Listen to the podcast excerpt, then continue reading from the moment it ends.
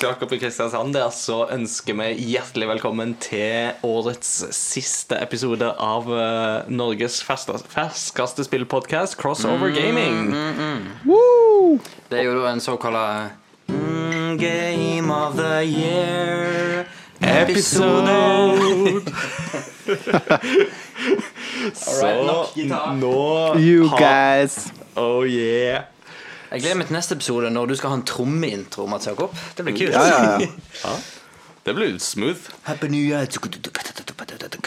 Nei, eh, nå er det mm, altså Her i Oslo i hvert fall, så er det hvitt ute. Og Kristian her har jo fått juleferie i dag. Jeg får ikke juleferie før denne podkasten er ute. Da har jeg siste arbeidsdagen min. Men eh, jul er rett rundt hjørnet, folkens. Og da tenker vi at det er på tide å oppsummere litt året som har gått. Og hva er vel bedre enn da enn å lage en årets spillepisode sånn helt på tampen av året. Eh, Og det er jo litt grunnen til at denne episoden kommer ut på en fredag og ikke på mandag. For på mandag så er det julaften, og da tenker jeg at da kan dere gjøre andre ting enn å høre på oss.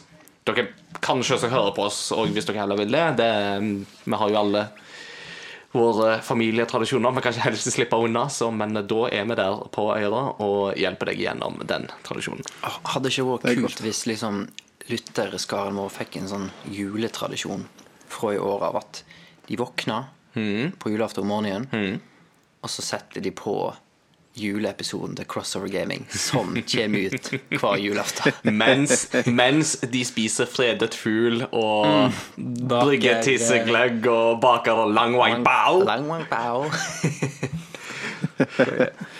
Så, Eh, Når du snakka i stad, så minte det meg på eh, en, et værvarsel som var i, i, rett før julaften i fjor.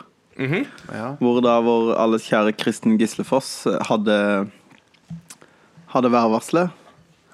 Og han eh, da, Det var da jeg skjønte hvor dårlig form han er nødt for å være i. For når han skulle si julaften, så sa han 'julaften'. Han måtte puste i, midt i ordet. Da skal vi se på været på julaften. Oh. Uff. Shout-out til Kristen Gislefoss. Ja, um, Fastlytter. Vi er veldig glad i dine skills, men um, du må ta vare på deg sjøl òg. Det er viktig. Oppfordring. Men, når, um, når, men ikke nå i juleferien, folkens. Da skal dere kose dere og slappe av og spise akkurat det dere vil og behager. Kjapp presentasjon for dere som hører på oss første gang. Hvis dette er første gang, ikke bli vant med gitarintroer, for det er ikke um, Det er litt sånn eh, julestemning at vi gjør det. Ja. Men jeg heter Ingar Takanobu Hauge og leder denne podkasten her. Med meg her i min stue her i Oslo så har jeg Gitarist, eh, tekniker og eh, Primus gener- generelt eh, primus medmenneske. Selv, selv, selvutnevnt Messias. Selvutnevnt eh, årets eh, medmenneske. I all ydmykhet. I all ydmykhet et eh, vanvittig godt eh, Nei da. Eh, Christian Fonland her. Yeah. Yeah. Og med oss i Kristiansand, med jubelen og applausen i innledninga, så har vi Mats Jakob Nesmann. Yeah! Aka Santa Claus.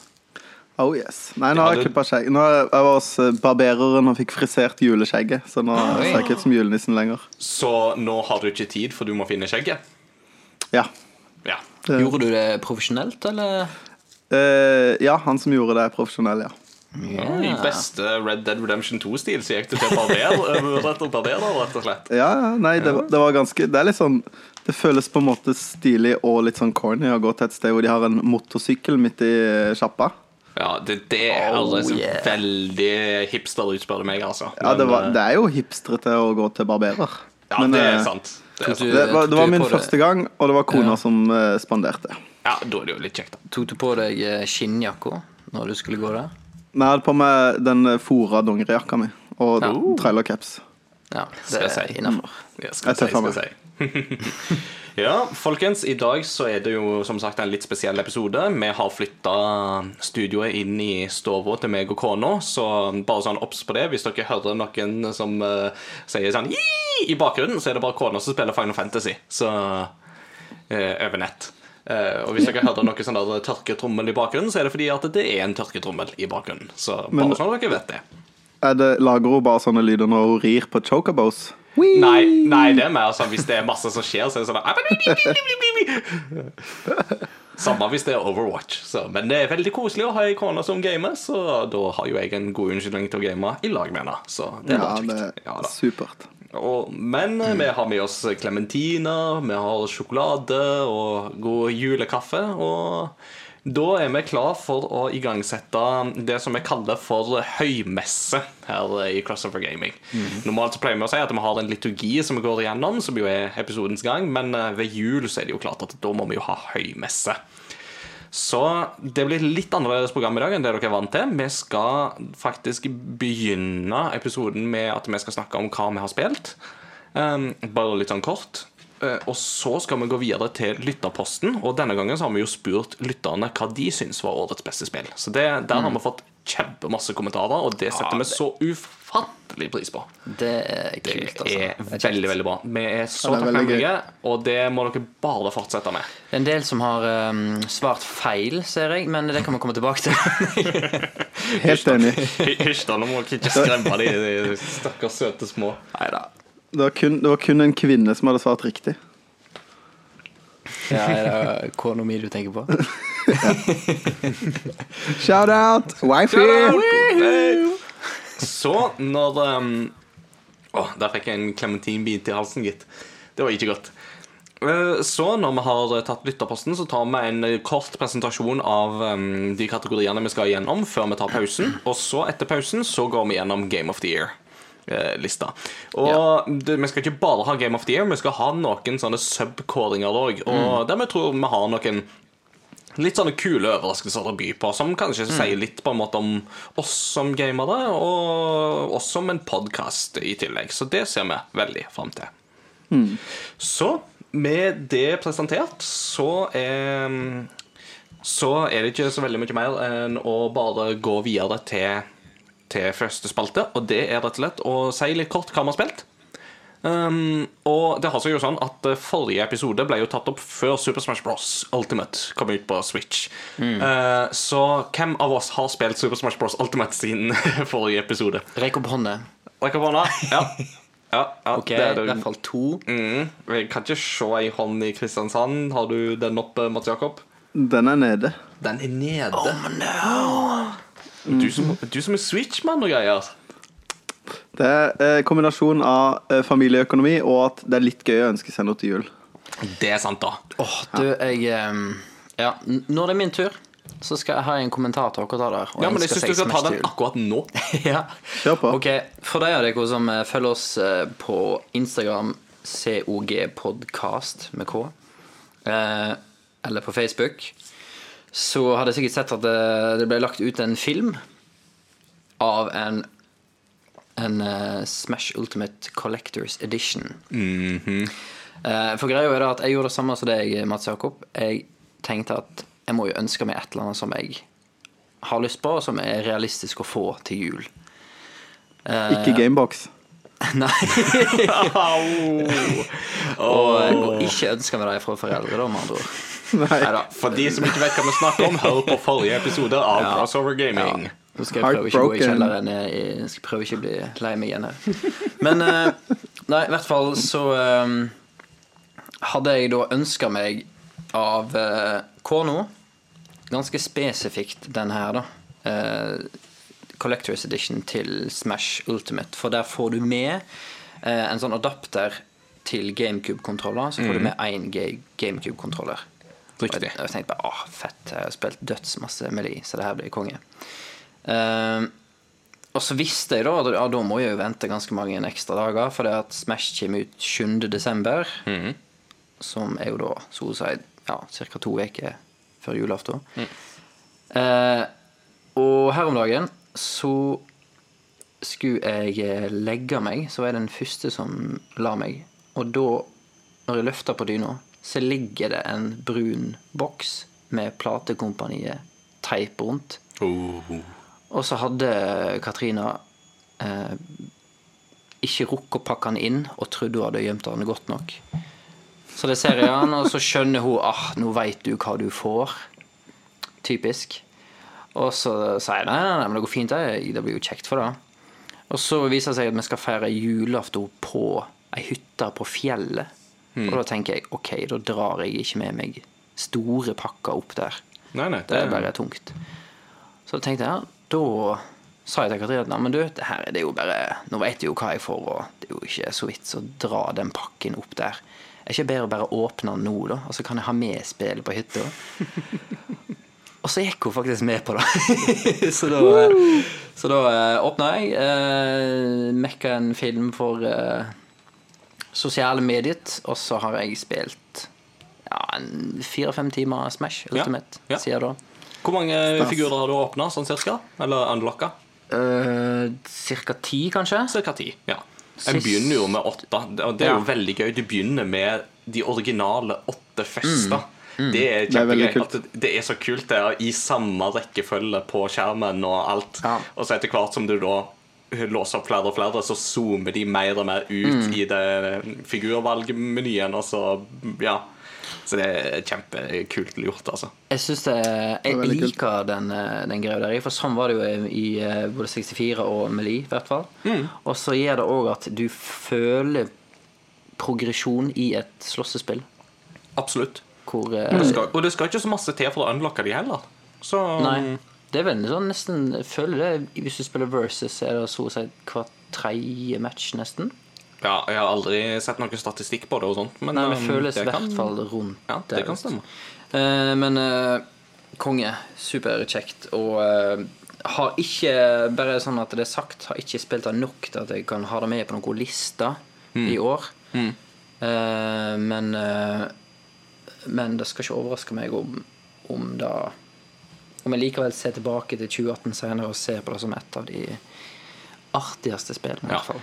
Altså, det er jo litt sånn gøy, for at det har jo Ultimate i tittelen sin. ikke sant? Og du merker veldig at her har de virkelig på en måte pumpa inn alt de har av ressurser og kapasitet, og Sakurai, eh, Masahiro Sakurai sin kreativitet og lekenhet bare oser jo gjennom hele greia. Så det er kjempekult. Um, Veldig kult. ja. har, du, har du prøvd noe den um, eh, historie, altså i hermetegn historiedelen, den World of Light? Har du spilt den noe, eh, Ja, nå var det så smart at jeg tok litt sjokolade. men eh, Ja. Du kan jo bare si kort ja, eller nei. Ja, jeg har, eh, den har jeg testa litt. Ja. Um, og um, Ikke så Det er kult, det der spirits-systemet. Altså, det er Du unlocker spirits som er Nintendo-relaterte karakterer, men som ikke du kan spille som. Men de er en del av et eller annet law i et eller annet Nintendo-spill. Mm. Og så kan du putte de på karakteren din for å gi liksom stat boosts og diverse perks og sånn. uh, og det som jeg er ikke så megainteressert i den delen, merker jeg, men, men det kuleste jeg syns, er at du får en del eh, kamper med sånn special conditions, på en måte. da. Ja, og det er veldig gøy. Ja, så du, du får eksempel slåss mot uh, en gigantisk eh, King K. Rule som nesten ikke kan bevege på seg, for han skal etterligne en Snorlax, eller er vel et eller annet sånt. Ja. uh, og en del baner hvor det Jeg spilte en hvor uh, The floor is lava. ja, den var veldig gøy. Var gøy. Som var litt vanskelig, men eh, det var artig, altså. Ja. Men så, det jeg syns den fungerer best som Konge-cutscene når du går inn i den modusen. Den må du sjekke ut på YouTube. Åpningsfilmen er fantastisk bra laget. Ja. Og så syns jeg han egentlig føler, virker best som en sånn her eh, å gi deg litt sånn alternativ eh, match-setup som du kun kan finne der. da Ja, og det, og det er jo det som jeg tenker er gøy med det, er jo nettopp disse spesialreglene som en finner underveis. Mm. Det er jo litt sånn festlig, men denne her åpningsscenen begynner jo med at alle blir jo wipa ut av en sånn galaktisk eh, Nærmest sånn Galactus-type entity. Mm. Og den eneste som slipper unna, er jo Kirby, og det er jo ikke Ja. tilfeldig, fordi at Masahiro Sakurai, som jo står bak eh, Super Smash Bros.-serien var jo skaperen av Kirby i sin Ja. tid på 90-tallet. Ja. eh, Da han jobba i Hell, Hell Laboratories. Mm. Så det er jo ikke tilfeldig sånn sett at det er liksom alle de andre som er i utgangspunktet du skulle tenke er så mye sterkere enn Kirby og har nærmest sånn gu gudelignende krefter. Så de mm. blir wipa ut, mens Kirby er den som slipper unna og må. Ja. redde alle de andre. Det det er litt sånn jeg kjenner det er litt sånn Det er litt søtt, på en måte. Ja. Det er litt sånn varmt og lunt og godt, på en måte. Ja. Det er sikkert ikke helt law-korrekt, den modusen her, men uh... Det som er law korrekt, er jo at Solid Snake bare gjemmer seg i boksen sin. ja, Han gjemmer seg i en sånn der eh, Pappeske! Ja, og så blir han jo bare Og så blir han blåst av gårde. ut. Mens alle sånn Zelda får opp så skjold, og uh, Sonic prøver å spurte så fort han kan, og Solid Snake kan bare ta en pappeske, tar det over seg, og så bare sitter han der. I'm gonna wait this one out. This is Snake. I'm in some serious trouble here. Oh, De skulle jo slengt inn den der eh, at han der eh, generalen din, eller kapteinen, eller hva det er. Yeah. Snake! Snake! Snake! Colonel! Colonel! Ja, Colonel. er det. Eh, ja, jeg òg har jo spilt litt uh, Super Smash Bros. Jeg har Ja. spilt litt mer enn deg. Jeg har unlocka um, Jeg er vel oppe i sånn ca. 35 figurer eller noe sånt til sammen, så jeg er vel sånn omtrentlig halvveis. Um, eh, har hadde en god del venner innom da helga den ble sluppet. Jeg, mm. jeg kjøpte det ved lansering, eller forhåndsbestilte det sånn at jeg hadde det klart til lansering. Og så Ja, for jeg fikk det faktisk mm, mm, på lanseringsdagen, selv om jeg var litt pessimist i podkasten siste episode. Så det var veldig gøy å faktisk få det på tida. Og ha litt venner innom. Vi var vel sju stykk på det meste som spilte, og det var bare komplett kaos, men det var så gøy. um, og Ja, nei, altså, jeg, jeg Å, unnskyld. Jeg eh, storkoser meg med, med det så langt. Altså, det er så på en måte tight, og det er, det er ikke så mange Altså, du føler på en måte at det er ikke så mange endringer de har gjort, men det er alle de små endringene som er gjort her og der underveis, gir en sånn det akkumulerer seg til slutt til en ganske solid helhet til, Ja. til syvende og sist. Det som er veldig kult, for eksempel, er jo det med at hvis du har hatt en sånn tendens på at du dodger veldig masse i løpet av en kamp, så vil det nå straffe seg, fordi at det da blir på en måte skjoldet ditt eh, Eller det er noe med at du blir på en måte slått litt lettere ut, og at du på en måte Ja, for du, du har det forsvinner eh, jo til slutt, gjør det ikke? Nei, det er vel at du har en sånn eh, invincibility frame, på en måte, når du dodger. Og den eh, varigheten på den blir kortere og kortere, så det lønner seg plutselig ikke å dodge lenger. da Ja, sånn er det, ja. Ja. Riktig. Riktig. Eh, så mm. Vi spilte jo en match sammen i går. Eller To to, matcher. matcher. Jeg knuste deg begge gangene, var ikke det sånn? Nei, nei, nei, nei, nei langt derifra. Langt derifra. Det var vel du, du vant den ene, da. Ja. Det gjorde du. Men jeg 50-50. vant den andre. Ja. Uh, og jeg har jo unlocka noen av de nye rollefigurene. Jeg har ikke prøvd alle, Ja. men jeg har jo prøvd eh, Jeg har unlocka Isabella og King K. Rule, men de har jeg ikke prøvd ennå. Så langt har jeg ikke kommet. Men jeg har spilt litt Inkling. Fra Ja. Splatoon, som er veldig veldig gøy. Ja. Eh, og der er det jo sånn som i Splatoon òg, med at du skyter maling, og så kan du da rett og slett bare dukke ned i malinga, og så kan du bare svømme bort. Og så, så det er faktisk veldig gøy hvordan du kan bruke det som et strategisk element. Eh, og så har jeg spilt som Simon Belmont fra Castlevania, og det er kjempegøy. Kjenner jeg. Altså, Det er så gøy Ja. at Castlevania endelig er med i Super Smash Bros. Ja, og ikke minst all den Castlevania-musikken som de har stappa inn i det spillet. Og det, ja, det er kult. ja, det er kjempekult. Og det er liksom originale låter, og det er remixer og sånt. Men det som er ekstra gøy, er jo det at de har jo eh, en egen sånn musikkavspiller som du bare kan på en måte sette på, og så går den gjennom all musikken i spillet. Og det trenger du ikke unlocke engang. Det er liksom alltid er klart. Eh, og det er jo over 900 tracks til sammen i spillet, med, der 34 av de er fra Castlevania eller noe sånt. Jeg så en veldig kul meme om det der, hvor det var okay. en som hadde skrevet Wow, I can't believe this awesome uh, uh, soundtrack uh, even comes with a game. Nydelig. Men det, det var en ting jeg eh, kom på nå, eh, og da var det var en elev Mm. som gjorde meg eh, bevisst på det. Men at hvis du spiller som en av Street Fighter-figurene eh, Mm. Ja, du hadde sånn jo re- ja, ja. så kan du eh, bruke de originale Street Fighter-knappekombinasjonene for å gjøre special Oi. attacks. Så du kan rett og slett ta sånn ned, og så skrått, og så oppover for å ta en hadoken? Ja, for du kan enten trykke, stå stille og trykke B for å ta en mm. eller Mm. du kan ta ned, skrått, og så i den retningen du vil, og trykke A, og så tar han en hadoken. Så det er sånn Åh, det er så fantastisk! men det gjør jo at når det går kjapt, Ja. Mm. eh, og du holder på med noe A-greier, så gir du plutselig special attack. For da at du var innom den knappekomboen, da, eller den joystick-konfigurasjonen før du Ja. Så eh, Det- det- men, men det er, Det er høres jo på en måte ut som altså. Street Fighter, det òg, da. Ja.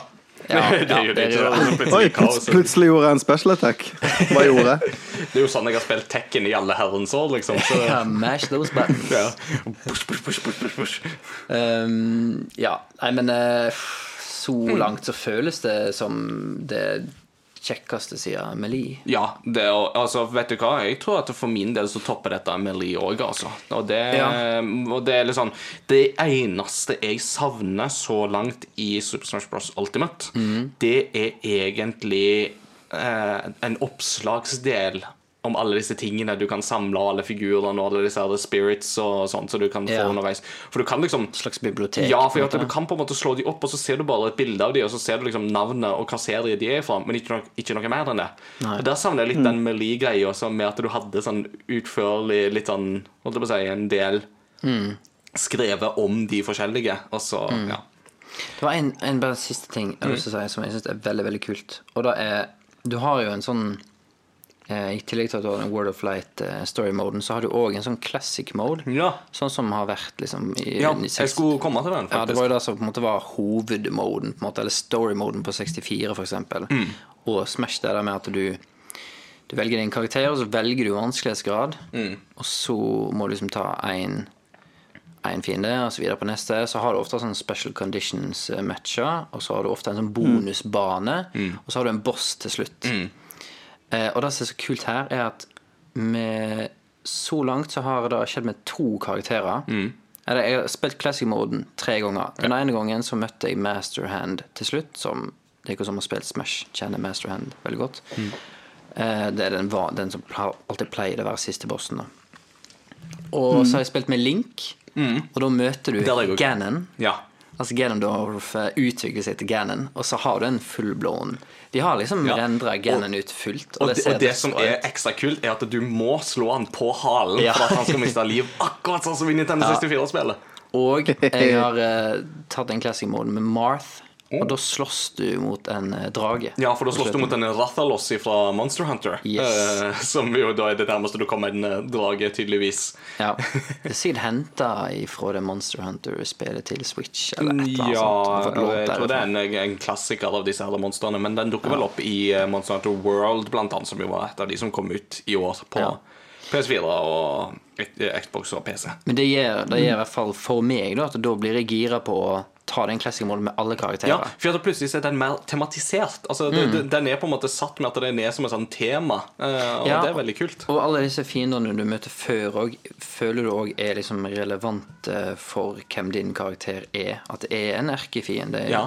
fra Lauren eller, eller en kompanjong eller et eller annet. Det liksom det. Og noen av de så spilte noen Hun spilte med Donkey Kong, og da hadde du en del matcher hvor du liksom skulle slåss mot King K. Rule, eksempel. Mm. Og plutselig så hadde du Diddy, Kong med på laget. Plutselig så hadde du en teammate, liksom. og- Fantastisk. Ja, det er kjempekult gjennomført. Ja. Uh, yeah. For min del så er det jo Altså det er jo det jeg har spilt, og så har jeg liksom prøvd å spille ferdig en del av disse her spillene som jeg har holdt på med i høst. Så liksom litt mer Battlefield 5 og eh, litt sånne ting. Og og så har jeg spilt et spill i helga som jeg ikke skal snakke så veldig mye om nå. For det kommer jeg tilbake til etter pausen. Ja. Eh, Så jeg har en sånn liten surprise som jeg vil spare litt, faktisk. Kult. Det var litt om Super Smash Bros. Uh, Mats Jakob, nå har vi prata lenge. Nå syns jeg du kan få lov å få ordet litt. Ja. Nei, jeg, jeg har eh, prøvd I dag I dag har jeg, jeg vært hjemme fra jobb. Oh, Jeg er ikke helt i form. No, Ikke så heldig. Nei. Eh, eh, men eh, Men jeg var på en måte ikke så syk som jeg var sist at jeg ikke orka å spille, så i dag har jeg fått spilt litt. Det er godt, Eh, da. og Det første spillet vi, jeg må snakke om, det er jo da at jeg har da spilt Dave Miras Pro BMX 2, som jeg da harselerte med i første episoden vår. Nei, GameCube-episoden vår. Ja, ja, ja. Um, Men som jo da Sondre Shout-out, Sondre! påpekte Påpekte jo var så bra soundtrack på. ja, og eh, På en måte uh, OK, det, det er et bra spill, Uh, men hvis du på en måte tenker at det er Tony Hawk, så er det ikke bra. Eh, Så jeg måtte på en måte omstille meg, for dette, det, har ikke samme struktur som Tony Hawk.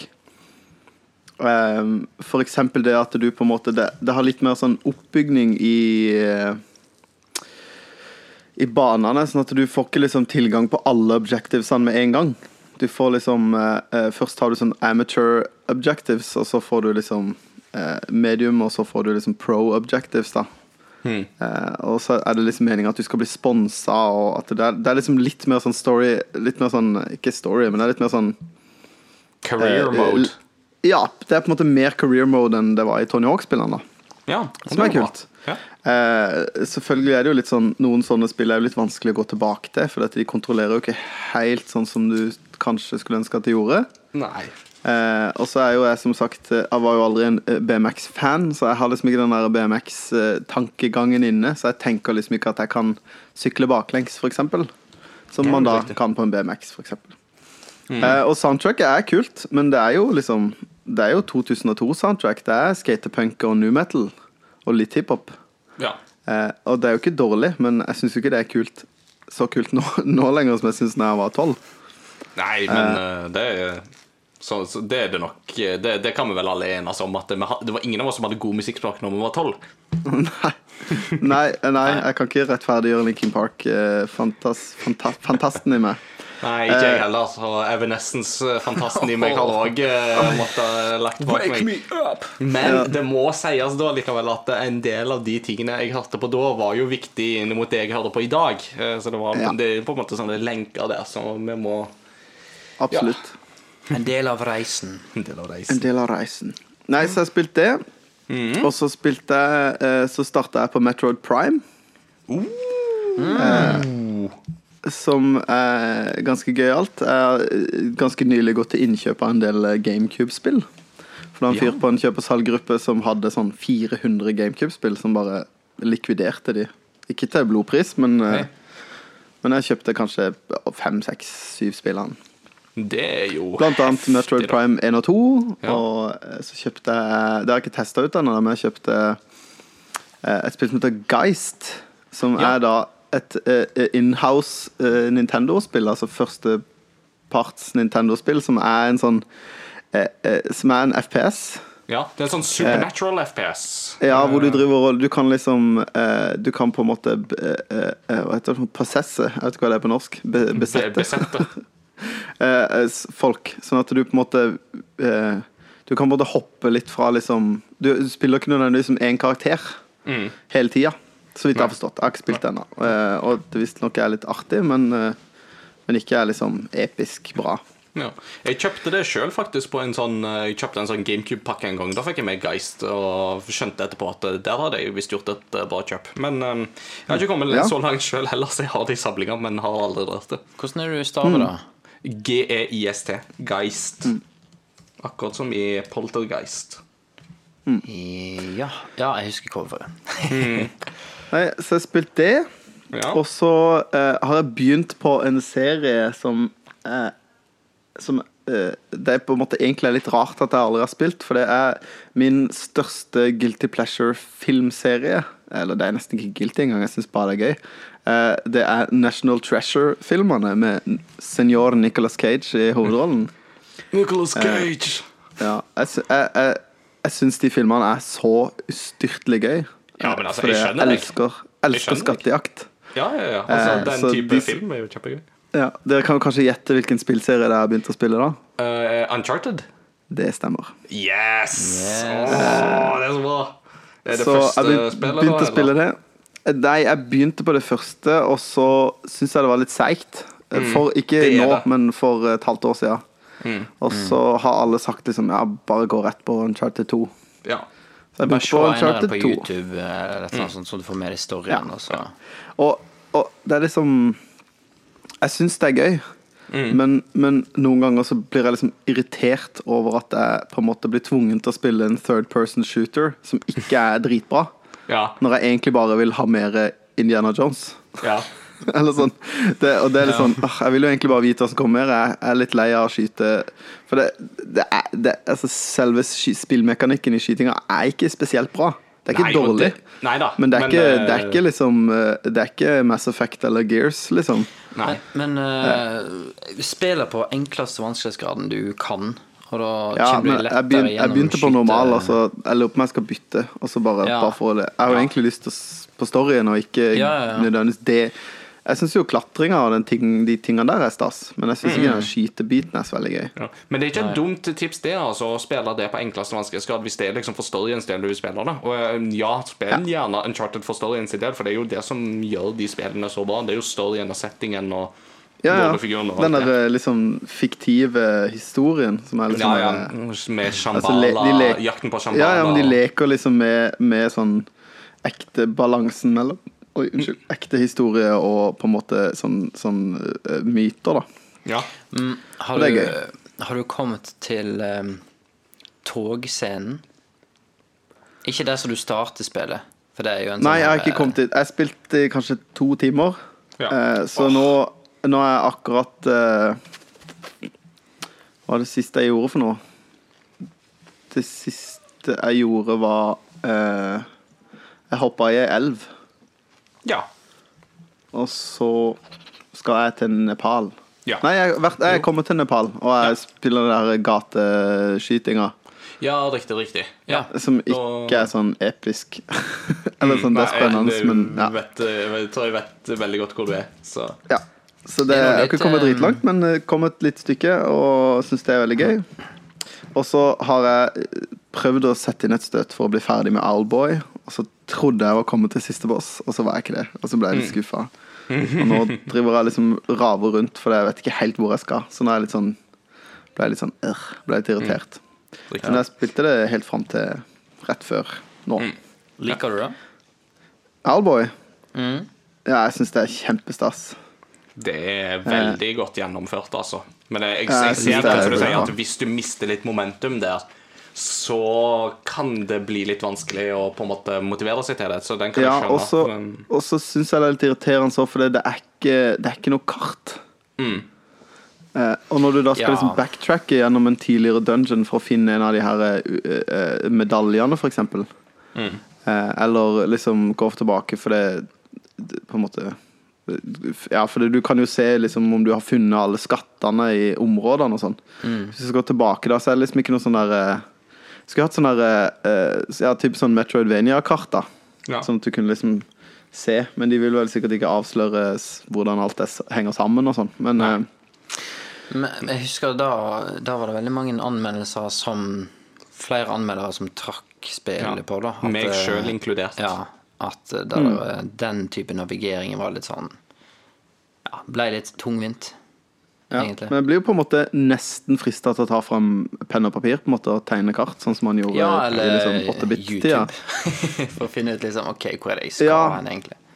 Ja, ikke sant. Jeg gjorde det fordi at jeg, eh, jeg skulle finne en medalje, og så har jeg liksom Hadde jeg vært der før, og så husker jeg bare ikke hvordan jeg kom meg dit. Og så er det sånn «Ah, Jeg bare Ja. googler det, så Mm. Ja. Gikk det fort. Men jeg, det er første gang jeg har gjort det i det spillet. Da. Nei, men det var jo Så en solid liste, det. stort sett det jeg har spilt uh, Ja. i det siste. Kan jeg, eh, kan jeg få lov, før vi hopper videre i neste spalte, komme med en liten sånn ting Ja, en liten ting. eh, som egentlig er mest en anbefaling. Ja. Og det er ikke et spill, men det er spillrelatert. Ja. Kjør. Og da er muligens den i hvert fall topp tre filmer 2018. Kinotur i Ja, går, ja, ja, ja, ja. Det må vi jo snakke om. Det må vi absolutt snakke om. For um, jeg og Kristian her var på kino i går og Mm. så filmen Spiderman Into, Into the Spider-Verse. Og den um, Altså, bare, hvis du, bare sjekk ut trailer.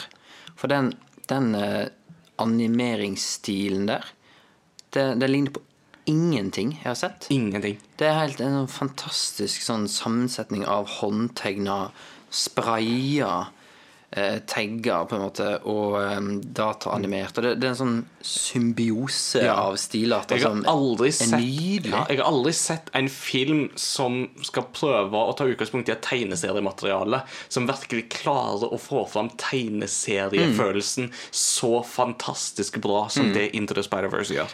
Og, eh, og, og da at Sony eh, har nå faktisk produsert en, En av de bra- beste superheltfilmene på flere år. Ja, altså det, det er egentlig det mest utrolige med det. Det er at Dette har Sony gjort på egen hånd med Spiderman-lisensen, som de jo fortsatt sitter på. For at det at Spiderman nå er med i Marvel-filmene, er jo bare fordi Sony leier han ut. Ja. Men Sony sitter fortsatt på filmlisensen. Og den har de jo ikke klart å gjøre noe veldig bra med siden altså Spiderman 2 var vel egentlig den siste filmen som var sånn forholdsvis udiskutabelt uh, bra, liksom. Og så etter Spiderman 3 og videre så har det bare gått nedover der. Og så plutselig så klinker de til med denne filmen her. Og my mind is absolutely blown. Ja. Fordi Ja. Animasjonsteknikken er fantastisk. Det er noen av, altså Rollefigurtolkningene er fantastiske. Humoren sitter bra. De har lært masse av Deadpool og har mye sånn metavitsing om Spiderman som rollefigur, og Spiderman-filmhistorien, ikke minst, som er Ja, det er Folkens, se Into the Spider-Verse. Ja. jeg, jeg kan ikke si annet. Og det, du trenger ikke å ha sett en eneste Spiderman-film for Nei. å se denne. Du, du trenger bare å Altså, du, du trenger bare å liksom ha en sånn generell anelse om hvem Spiderman er, og det Mm. tror jeg nesten du må ha bodd under en stein for ikke å vite hvem han er, liksom. Så Ja. Altså eh, ehm, For å si det sånn du, Ja, du trenger ikke ha sett noen andre spennende filmer, for du får igjen eh, en origin story, men her gjelder det på ti sekunder. Ja. så det bare sånn Og så starter Peter Parker også med å si liksom Ah, here we go again. Ja. så sier han liksom sånn dødskjapt. Ok, sånn, sånn, sånn, sånn, sånn. Ferdig. Ok, nå fortsetter vi filmen. Så det, nei, det er et nydelig stykke kunst. Hvis du skal gjøre en annen ting enn å ete masse julemat og godteri og åpne pakker, så Og spise fredagfugl. Ja, og bake lang mang pao, så er det å se Spiderman Into the Spider-Verse. Yes, den har the crossover movie thumbs eh, Ja. cross, cross up. Uh, ikke thumbs up, men cross up. En klar sekser der, altså. Ja. Uh, jeg Men skrevet kan jeg komme med en filmanbefaling siden dere kom med en filmanbefaling? Det skal du få lov å gjøre. Jeg skal bare nevne kjapt at jeg har skrevet en anmeldelse, og den kommer på Game Reactor en av de neste dagene. Sånn, vær så god. Døft. Eh, jeg så en film som eh, har vært på min sånn eh, nerd to watch-list veldig lenge. Mm. Eh, som heter så mye som Highlander. Har dere sett den? Ja, ja, ja, ja, med musikk fra Queen. Uh, Ja. Som har Here we are, born to be kings. ja. Skal ta fram gitaren? Eh, Nei, men, men jeg har liksom Det er en sånn film som på en måte eh, Grunnen til at jeg på en måte ble, ble gjort oppmerksom på den, var egentlig Ready Player One. Ja. Eh, For det er blant annet en del liksom quotes fra den filmen, og liksom mye sånn eh, styr. ja, stemmer det. Eh, I boka. Ja, blant annet eh, Jeg er jo supernerd på den boka, men eh, når han godeste Parzival møter Artemis for første gang, Ja. så sier han Så sier hun ja, hvem er du? Og så sier han I am eh, Juan Ramirez, eh, et eller annet, eh, Chief Metallurgist of eh, King Atlant eller the Third. Eh, og det er fra den filmen, blant Mm. annet. Riktig. Eh, eh, og hvor da, hvor da i lydboka Will eh, eh, eh, Will Wheaton. Will Wheaton, ja, selvfølgelig. Han uh, legger til og med på en sånn god sånn Sean Connery-aksent når han sier det. Eh, I'm, I'm a Juan Ramirez St. Lobos. metallurgist. Så det, det er gøy. Men den filmen er sånn deilig 80-talls-cheese. Den Med er- liksom ekstremt karikerte karakterer og en story som ikke ligner grisen, og eh, noe sånn eh, medium minus eh, sverdfekting. Men den er bare skikkelig nerdete og gøy likevel. sånn ja, ja, ja, ja. Det, Altså, det er på en måte Det er en bra, dårlig film. Jeg blir, alltid, bra så- jeg, blir alltid så, jeg blir alltid så skuffa når jeg får reklame fra Netflix, og Netflix mener at jeg bør begynne å se på Outlander, som jo er en sånn TV-serie. Jeg bare Ja, men det er ikke Outlander jeg vil se, det er Highlander! Og så blir jeg sånn En av eh, yndlingsseriene til Katrina, kona faktisk. Outlander. Oi. Så ikke diss Outlander. Nei, nei, nei, nei jeg disser ikke. Jeg bare sier at det det er ikke det jeg vil ha. Jeg vil ha Highlander. Jeg vil ikke ja. Men uh, toen, det finnes jo en toer, Highlander 2, Ja. men den skal være mm, elendig. Så Ja, det eh, sier de også i boka. ja. Da sier han It's bad. It's Highlander too bad. Stemmer. Flott. Da Yes. har vi fått pitcha Det ble ikke så kort likevel, men uh, sånn kan det gå. Dette Det må- det jule, men det er julespesial, folkens. Ja, ja, ja. Så det skal gå bra. Dere har en hel ferie å ta av. Når dere skal høre på denne. Vi skal gå videre til lytterposten, og da begynner vi å nærme oss eh, litt det vi egentlig skal snakke om i dag, nemlig årets spill. Eh, på det vi gjør, er jo det at vi har ei Facebook-side, Crossover Gaming, og der stiller vi med jevne mellomrom eh, spørsmål til dere lyttere som vi kaller for lytterpost. Og der eh, oppfordrer vi dere til å kommentere og svare.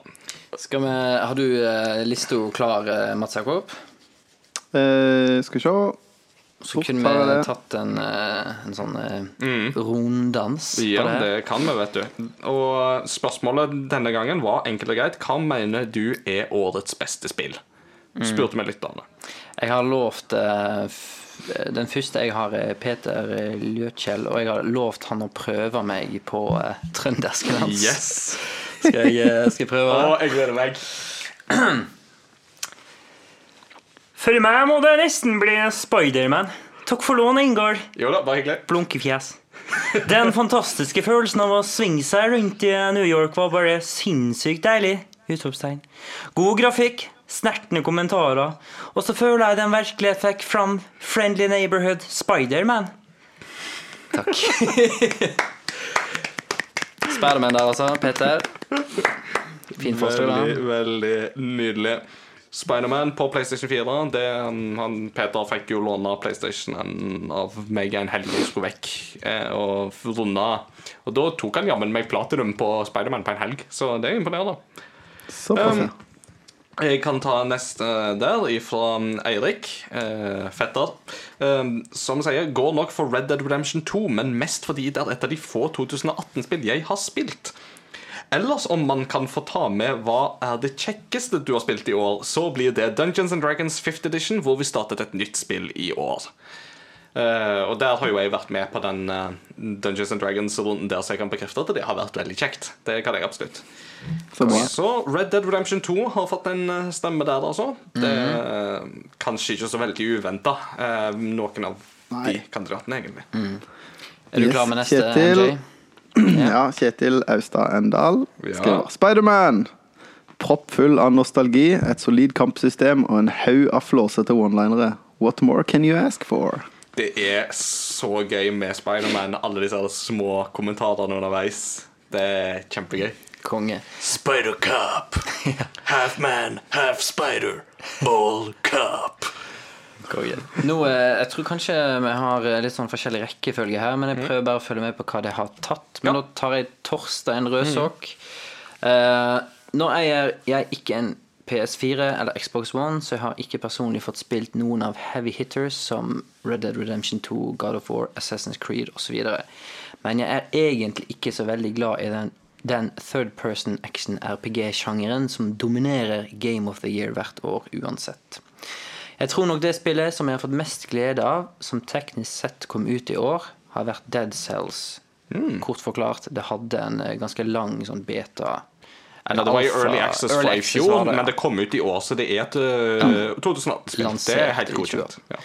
Jeg har spilt en del Rogalikes og Metrovanias, men få spill har så fluid gameplay som får det til å gjøre run etter run etter run. Ja. Nei, godt valg der òg. Ja. Jeg er fortsatt ikke ferdig med Dead Cells, men det, Nei, det Det- tar sin tid å bli ferdig med den. det jeg, det, altså. Ja. eh, Yngve Leine har den litt kontroversielle her, for han skriver Årets spill, God of War. Den er kanskje ikke så kontroversiell, men så skriver han Årets skuffelse, Spiderman. Oh, Eh, vi har snakka litt om det, men eh, det er noen svakheter med Spiderman-spillet. Eh, absolutt. Mm. som. Kanskje man ikke kommer helt vekk ifra. Så han, har en, eh, han utfyller litt lenger nede der. Vil du ta den òg? ja, at jeg skrev til han at vi fortsetter å være uenige der. Og han skriver det at eh, jeg er nok i mindretall der. Ja, spillet var ikke direkte dårlig, men jeg ble skuffa etter all hypen og etter å ha sett gameplay-trailers etc. Men det kunne vært veldig mye bedre, spør du meg. Ja. Ja. Veldig masse bra kommentarer, altså. Mm, Det er bare å kjøre på, og med det, det er deres meninger, så dere kjører helt på med det dere vil. Så lenge dere er snille og høflige, så går dette veldig, veldig bra. Yeah. Hva var det meg nå? Eller var det deg, Tror det er meg. eh? Ja. Ja. Ja. Espen Tveit skriver Oppdaga nylig at jeg nesten ikke har spilt et eneste 2018-spill i år. Mario Odyssey og Breath of the Wild har tatt nesten all spilletiden min i år. Men jeg har spilt eh, Er det Pode, eller er det Det for kort? det er Pode. Ja. Ja. Det er så herlig. Jeg har aldri spilt Pode. Hvordan spiller det? Det er et norsk utvikla spill fra Bergensstudioet Henchman and Goon, som er fryktelig koselig. Det jeg kan anbefale det varmt hvis du vil ha noe å spille med f.eks. kidsa dine. Er det Pode som i liten gutt, liksom? Ja, basically. Eh, du Ja. spiller som en bitte liten falt stjerne som heter Glo. eh, som får hjelp av den lille steinskapningen Bulder. Og, og så må dere rett og slett eh, få Så må Bulder og Glo samarbeide for å komme opp til toppen av et fjell, sånn at eh, Glo kan komme seg tilbake på himmelen. Eh, og veldig mye av grafikken og sånt i Pode er inspirert av norsk rosemalingskunst og Austin Wintory, som jo har musikken fra Journey, Abzu, The Banner Saga osv. har komponert musikken til dette spillet, eh, der det er brukt mye hardingfele. Så det er veldig sånn norsk prega. Ja. Og det er Kult. det er tidseksklusivt på Switch. Det vil si at det på nåværende tidspunkt så er det kun tilgjengelig på Switch, men det kommer til andre konsoller etter hvert. Ja. Eh, så kommer en eh, lang og fin en her. Frank Holden skriver detaljert og godt. For min del må jeg dele dette opp i flere kategorier. Først årets spillopplevelse. Nordlyskampanjen i Battlefield 5. Yes. Det at en nazist plutselig snakker norsk i et spill som er kjøpt og blir spilt i Tyskland, kom virkelig overraskende på meg. Det fremmet patriotismen i meg en del hakk. Innlevelsen til stemmeskuespilleren gjorde inntrykk, og alt føles litt mer nært og troverdig. Alt jeg trenger nå, er en patch med Bjørn West-kampanje i Matrifjella. Konge. Og så, eh, Det var årets spillopplevelse, altså. Battlefield 5. Og så har han beste spillmenn, spillminne. Coop eh, Lego Harry Potter Ikke, ikke et Coop-spill, men Coop i Lego Harry Potter. Coop Lego. Med, med kona. Coop Mega. Eh, selv om dette på ingen måte er et nylig spill, har vi funnet underholdning i å spille Lego-spill i lag. Del 1 er rundet 100% mens vi ennå ikke har noen gullbrikker å finne i del Ennå har noen gullbrikker å finne i del 2. Ja. Og så har han årets mest spilte spill, Dota 2.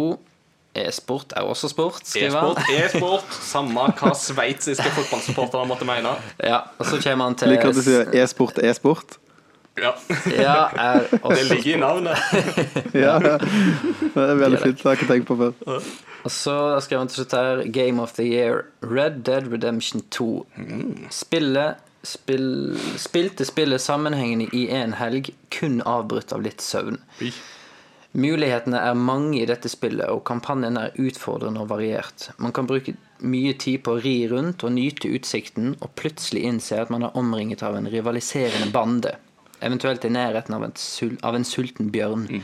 Da er Ferdinand, hesten, god å ha. Spillet er rett og slett vanskelig å legge fra seg, og du bør sette av noen timer før du rir lovløs ut i solnedgangen. Det var et langt og godt svar. Og jeg, jeg må bare flire litt av at eh, han som bor i Tyskland, har kalt hesten sin for Ferdinand med PF først. Siden Ferd er jo hest på tysk. Ja. Så til hesten heter Hestinan, um, basically. Det er jo festlig. Clever, clever man. Veldig bra. Um, jeg hopper opp en haks, for vi klarte å hoppe over um, posten til min eh, sjef i Game Rector, Susanne, nemlig. Hun, hun skriver 'gris'. Eller 'gri' blir det vel, siden det er fransk. Det er spansk, faktisk. Er det spansk? Ja. men ikke um, Så jeg tror du leser det gris, faktisk. Ja, men gri er jo grå på fransk, og det tror jeg henger litt sammen med spillet ut ifra spillets natur. Agree to disagree. Men det skrives iallfall gris, som i nøff-nøff. Jeg tror du mente kortspillet. Jeg trodde det var en joke. Nei, nei, nei. nei, nei. Altså, Det fins bare én måte å finne det her ut på, og det er at i pausen så finner jeg fram eh, Google Translate, Ja. skriver 'gris', og så får Google Translate til å lese det på spansk. så ser vi. Ja. Uansett så skriver hun gri, på, Gris på førsteplass, med God of War på en god andreplass og Fe på en tredje. Fe er jo et eh, svenskutvikla indiespill om en sånn liten sånn reveskapning som må eh, gjenopplive skogen. Eller eh, liksom befri dyrene i skogen, for det kommer sånn alien-lignende skapninger. Og så man liksom springer rundt, og så man liksom driver på og lager sånne ulelyder for å befri de. Det er litt søtt, faktisk. Cool. MJ? Yes. Sondre skriver eh, Må nok si God of War. Blanding mellom positiv overraskelse. Ikke spesielt fan av beat em ups, men formelen var bedre her, med gode puzzles. Og hvor eh, interessant verden eh, var, siden det var norrønt tema. Sammenlignet med Red Dead Redemption 2 syns jeg også at de fant bedre balanse mellom realisme og gameplay. Sammenlignet med Spiderman syns jeg, ikk- syns jeg også ikke at noe, at noe særlig av den åpne verden ble repetitiv eller kjedelig. Ja. Nei, godt svar der. Det er, Ja, god begrunnelse. ja. Du kan få lov å ta kona sitt, sitt svar her. eh, Ja. Ja. Uh, hun ligger der, ja. Katrine Myhren. Pokémon, let's go. Shocker. Enkelt og greit. God greie. Og eh, helt til slutt så skriver Åsmund Game of the Year for meg blir God of War. Det hadde alt. Fantastisk gameplay og grafikk og en kongehistorie. Kjempebra, folkens. Her har vi gått gjennom en veldig solid liste. Og vet dere hva? Jeg eh, Nei, det var ikke mm, Det var ikke på den posten. Det var på en annen post vi hadde fått en kommentar. Så Ja. da gjelder ikke det. Uh, det her er- må jo være den uh, lytterposten til noe som har desidert flest kommentarer på. Abs absolutt. Og keep it coming, folkens. Dette engasjementet synes vi er kjempetrivelig. Og Mm. vi håper dere syns det er gøy å få svarene opplest òg, så det håper vi på. Mm. Med det så skal vi snart ta en pause. Eh, Men før vi skal ta pausen, så tenkte vi at vi skulle snakke litt om de kategoriene som vi faktisk eh, skal ta for oss. Um, Kort presentasjon en der. kort presentasjon, for vi skal ta Game of the Year 2018. Og da skal hver av oss presentere fem, våre topp fem-lister. Eh, og sammen skal vi etter hvert òg se om vi kan eventuelt lande på en, et spill som vi kan kalle for Crossover Gamings Game of the Year. Men før vi kommer så langt, så skal vi gjennom noen underkategorier. Der en av de er beste spillet gitt ut før 2018, som du spilte først i år.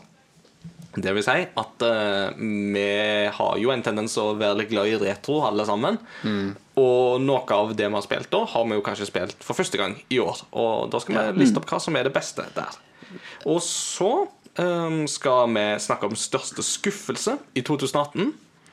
Og så skal vi snakke om spillet jeg skulle ønske jeg rakk å spille i 2018. Ja. Altså eh, Missing out, rett og slett. Det spillet som du ikke fikk spilt. Ja, for det er jo sånn men altså Selv jeg som bruker vanvittig mye tid på gaming, klarer jo ikke å komme meg gjennom alt. Um, Nei, Hvis det er en konsoll du ikke har, for eksempel ja, eller, og så er det jo det at jeg er jo veldig glad i rollespill, for eksempel, Og rollespill tar jo fort et sted mellom 30 og 100 timer å spille. Så det har jo liksom det aspektet. Så det skal vi snakke om, og det blir da etter pausen. Supert. You better watch out, you better watch out, you better watch out, you better watch out, you better watch out, you better watch out, you better watch out. He's making a list, he's checking it twice. He's gonna find out, he's gonna find out, he's gonna find out, he's gonna find out, he's gonna find out.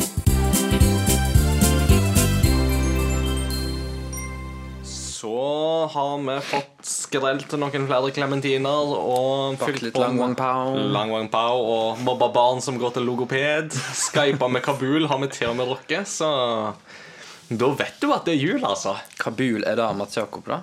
Så vi skyper jo på en, på en måte Kristiansand med han. er, lik Kabul. Kristiansand er Norges Kabul. ja. Hva, hva, hva, hva er det hva, What's your take on this? Eh, pass.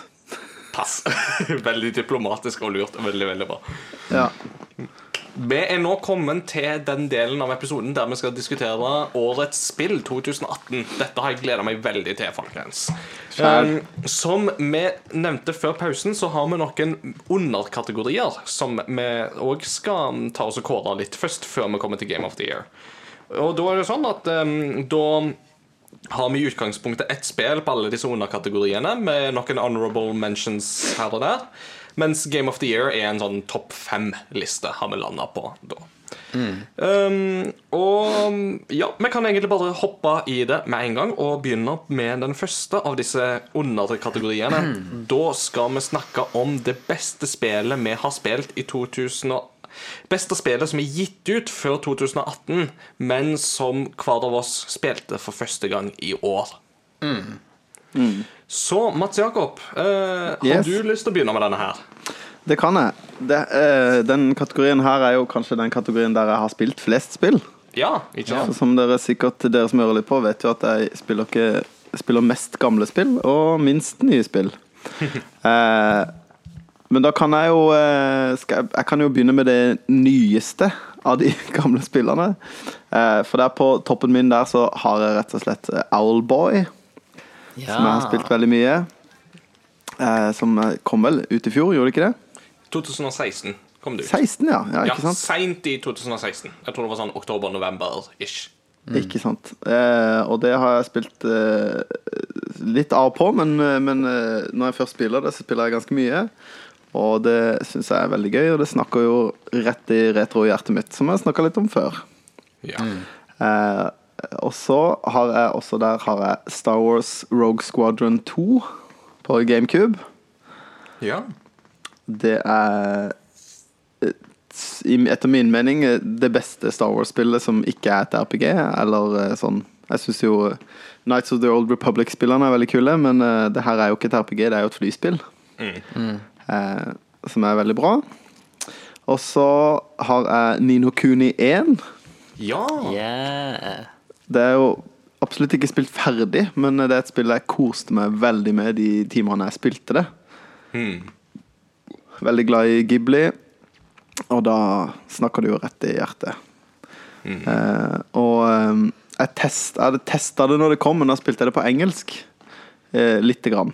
Og da, men nå spilte jeg det på japansk, så nå tenkte jeg det var liksom telte som en sånn for første gang. ja. For nå fikk jeg det med liksom ekte voice acting. Da er det litt mer autentisk. The way it was meant to be. Ja. Og så har jeg Pokémon Trading Card Game Online. Ja, stemmer. Det har du jo spilt masse. Det har fått kjørt seg i 2018. Uh, og så har jeg da to igjen, og der står det Bucky O'Hare på 8-bit Nintendo. Oi. Har jeg også snakka om før, men det er en sånn Megamann-aktig spill som er veldig kult. Og så det siste spillet jeg har, der har jeg Brave Fencer Musashi på PlayStation 1. Ja. Som er en sånn eh, action-RPG. Eh, Veldig, veldig sånn feudal Japan-inspirert. Artig. Artig. Hva du hadde på toppen, sa du? Der hadde jeg Owlboy. Så alle disse andre er jo da honorable mentions, men at det er Owlboy som er på en måte på toppen, ja. Eh, Ja. ja riktig. Men det er, dette er den kategorien hvor jeg har måttet liksom velge Mest, Ja. mest eh, hvor jeg har måttet liksom plukke ut de spillerne som jeg har spilt i år, som jeg likte best. Eh, Yes. Hva var dette her det japanske spillet som du nevnte på? eh, Dette er det føydalspillet? Musashi et eller annet? Brave Fencer Musashi, altså Brave modig Fencer, ja. fekter. Ja, Musashi. Eh, ja. Som er et spill som ikke kom ut i Europa. Det kom kom bare ut i Jeg tror det kom bare ut i Japan og USA. Det, det må ha kommet ut i Japan. Det, jeg tror det er Square Enix som har lagd det. Eh, men det er ganske lineært action-RPG. Men uh, ganske kul eh, mekanikker hvor du har uh, Det sverdet du har, det kan du uh, kaste inn i fiendene, og så kan du på en måte absorbere uh, abilityen din sin. F.eks. hvis de skyter, eller har, hvis de bare har et skytevåpen, så kan du på en måte få skyting ved å på en måte uh, absorbere fienden istedenfor. Litt sånn Kirby-aktig, Kult. eh, som er ganske kult. Ja, og dette var et PlayStation 1-spill, da. Mm. Ja. Men hva er det du har spilt uh, Owlboy på? Er det på Switch? Mm. Ja. Det er det. Og eh, Nei, jeg syns det er helt supert. Og det er det soundtracket jeg har hørt mest på i år, f.eks. Mm. Det er lydsporet i Owlboy er Det er mesterlig, altså. fantastisk bra. Det er, Ja, det er så utrolig bra. heart, altså. Ja, det er fantastiske greier. Jeg har fortsatt et håp om at eh, de gutta i D-pad og han komponisten eh, kunne fått gjort noe med den der Chrono Trigger-oppfølger-traileren som de lagde. Åh. Eh, tenk deg hvis de hadde fått det til. Det hadde vært så åh. Nei, det hadde vært nydelig. Det hadde vært kult, men jeg tror jo aldri at eh, Square Enix lar det gå til et lite norsk studio. Nei, ikke sant. Det, jeg tror ikke de tør det, men eh, drømmer kan man jo, ikke sant? Absolutt. Ok, eh, tusen takk. Da er det altså ditt beste spill pre-2018 som du spilte først i år, det er da Owlboy. Yeah. Cool. Christian, hva vil du nominere Ja. i denne kategorien? Altså, jeg har litt samme, samme situasjon som Mats Jakob i år, og det er at eh, mesteparten av spillene jeg har spilt i 2018, kjøpt i 2018 og spilt i 2018 for første gang, er pre-2018. Så når jeg, når jeg gikk gjennom uh, alle kvitteringene mine fra PlayStation Store og Steam og Nintendo eStore uh, for å se okay, hva, hva, jeg, eh, hva var det jeg kjøpte og liksom spilte i 2018, så var definitivt mesteparten av spillene pre-2018.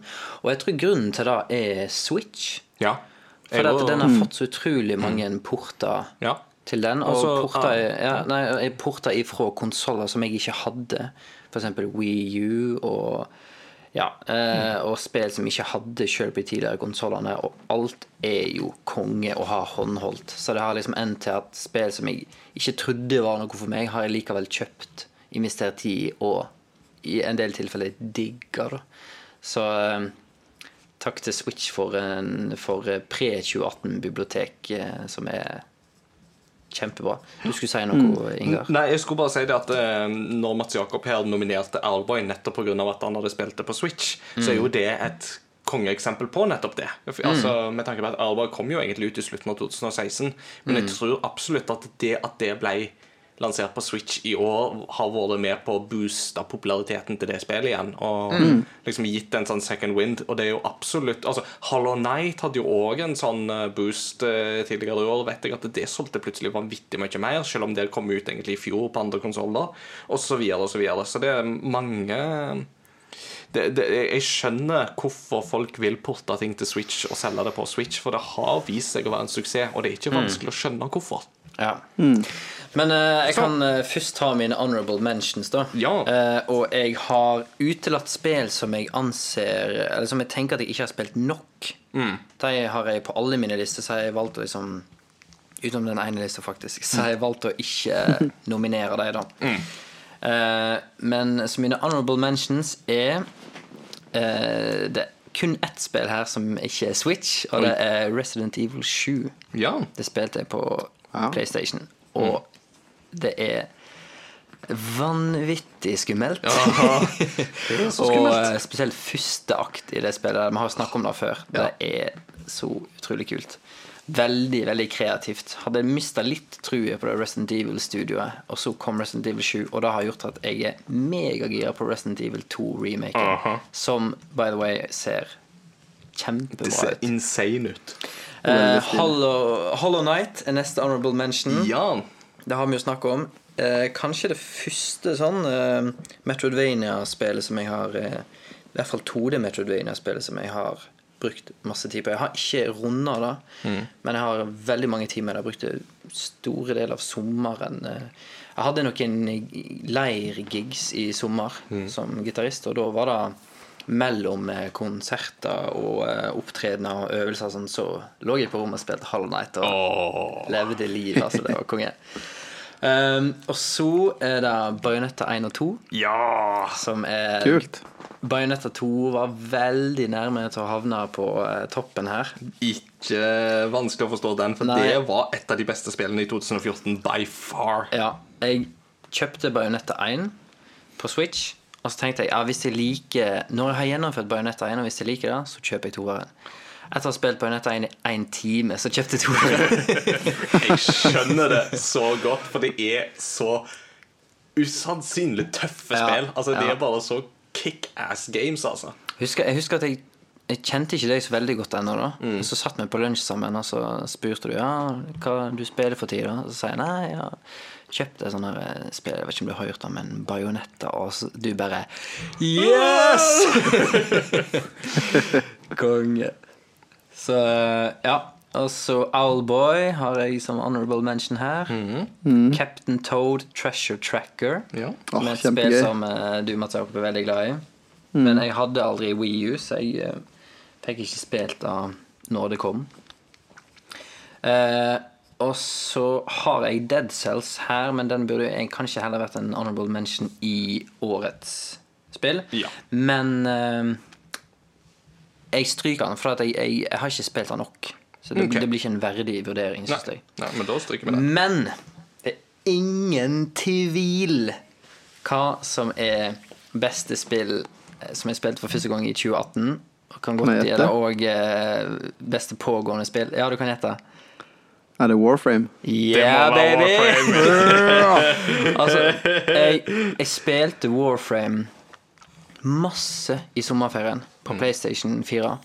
Og bare, Å, det var så fett, og det var så kult. Og det, eh, full disclosure her. Jeg prøvde Warframe i ca. en time i Det var vel i 2016, når jeg kjøpte meg PlayStation 4. Testa en time, var ikke noe for meg. Og så har jeg venta tre år, to år, sorry, før jeg testa det igjen, og da var det et helt annet spill. Um, og ja, det var så dødsfett. Datt litt av det fordi det kom en del andre spill jeg ville spille. Destiny Forsaken kom ut, blant annet. Så tenkte jeg jeg skulle gå i, kaste meg inn i det, men så kommer denne Switch-greia. At bare, Oi, det kommer på Switch. Og da Da eh, venta jeg noen måneder. Når det kom på Switch, så begynte jeg å spille der. da Litt kjedelig at du ikke kunne overføre den samme accounten, men eh, det er forståelig. Eh, men uansett, ja, det er så utrolig kult. Og eh, det er et spill som jeg eh, er sikker på at jeg kommer til å bruke mange, mange flere timer på. Og ja, Warframe-hjerte har jeg skrevet her i notatene mine. Så det er mitt beste pre-2018-spill, altså. Fantastisk. Yes. Awesome. Ingar. All right. Um, det, normalt så er jo jeg òg en sånn som kanskje har spiller en del spill som har kommet ut tidligere år, og sånt men faktisk i år så har majoriteten av spillene jeg har spilt, kommet ut i 2018. Så mi, min, mine kandidater her er egentlig ganske få.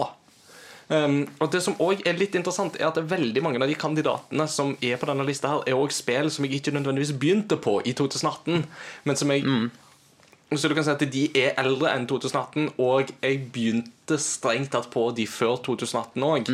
Så det, der så må jeg liksom veie det liksom litt eh, Og da kan jeg jo ta mine honorable mentions først. Så jo eh, Den første av de er Super Mario Sunshine. Yeah. eh, som Ah. er i en sånn kategori. Um, der jeg begynte på det i fjor, og så ble jeg ferdig med det i fjor sommer, og så ble jeg ferdig med det i år sommer. Så um, Kult. ja, Og det hadde jeg faktisk ikke spilt før, så det var liksom gøy nok, det, altså. Men kamerastyringa på det er så dårlig at det er frustrerende. Så, ja. Ja. Um, og så Xenoblade Chronicles er jo òg et sånt spill. Um, men det begynte jeg på så tidlig som i 2016, faktisk. Eh, et sånt spill som jeg har plukka opp og lagt i vekk plukket opp og lagt vekk i to år. Eh, så det òg kommer liksom ikke helt på toppen her, tenker jeg. Um, Så i bunn og grunn så står jeg igjen med to spill. Um, og jeg vet liksom litt sånn hvilket av de jeg liker aller best. Men jeg tror likevel at det er et annet som jeg vil sette som mitt beste spillminne for 2018. Fordi det begynte jeg på i 2018, og ble ferdig med i 2018.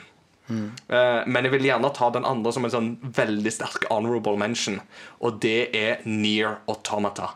Ja. Near Automata kom ut i fjor, og jeg spilte det litt da det kom ut i fjor, men jeg la det vekk altfor tidlig. Og så plukka jeg det opp igjen i sommer og spilte igjennom det hele greiene. For at greia med Near Automata er jo det at det er flere slutter. Så, og du har ikke spilt det før du har kommet deg gjennom en del av disse sluttene.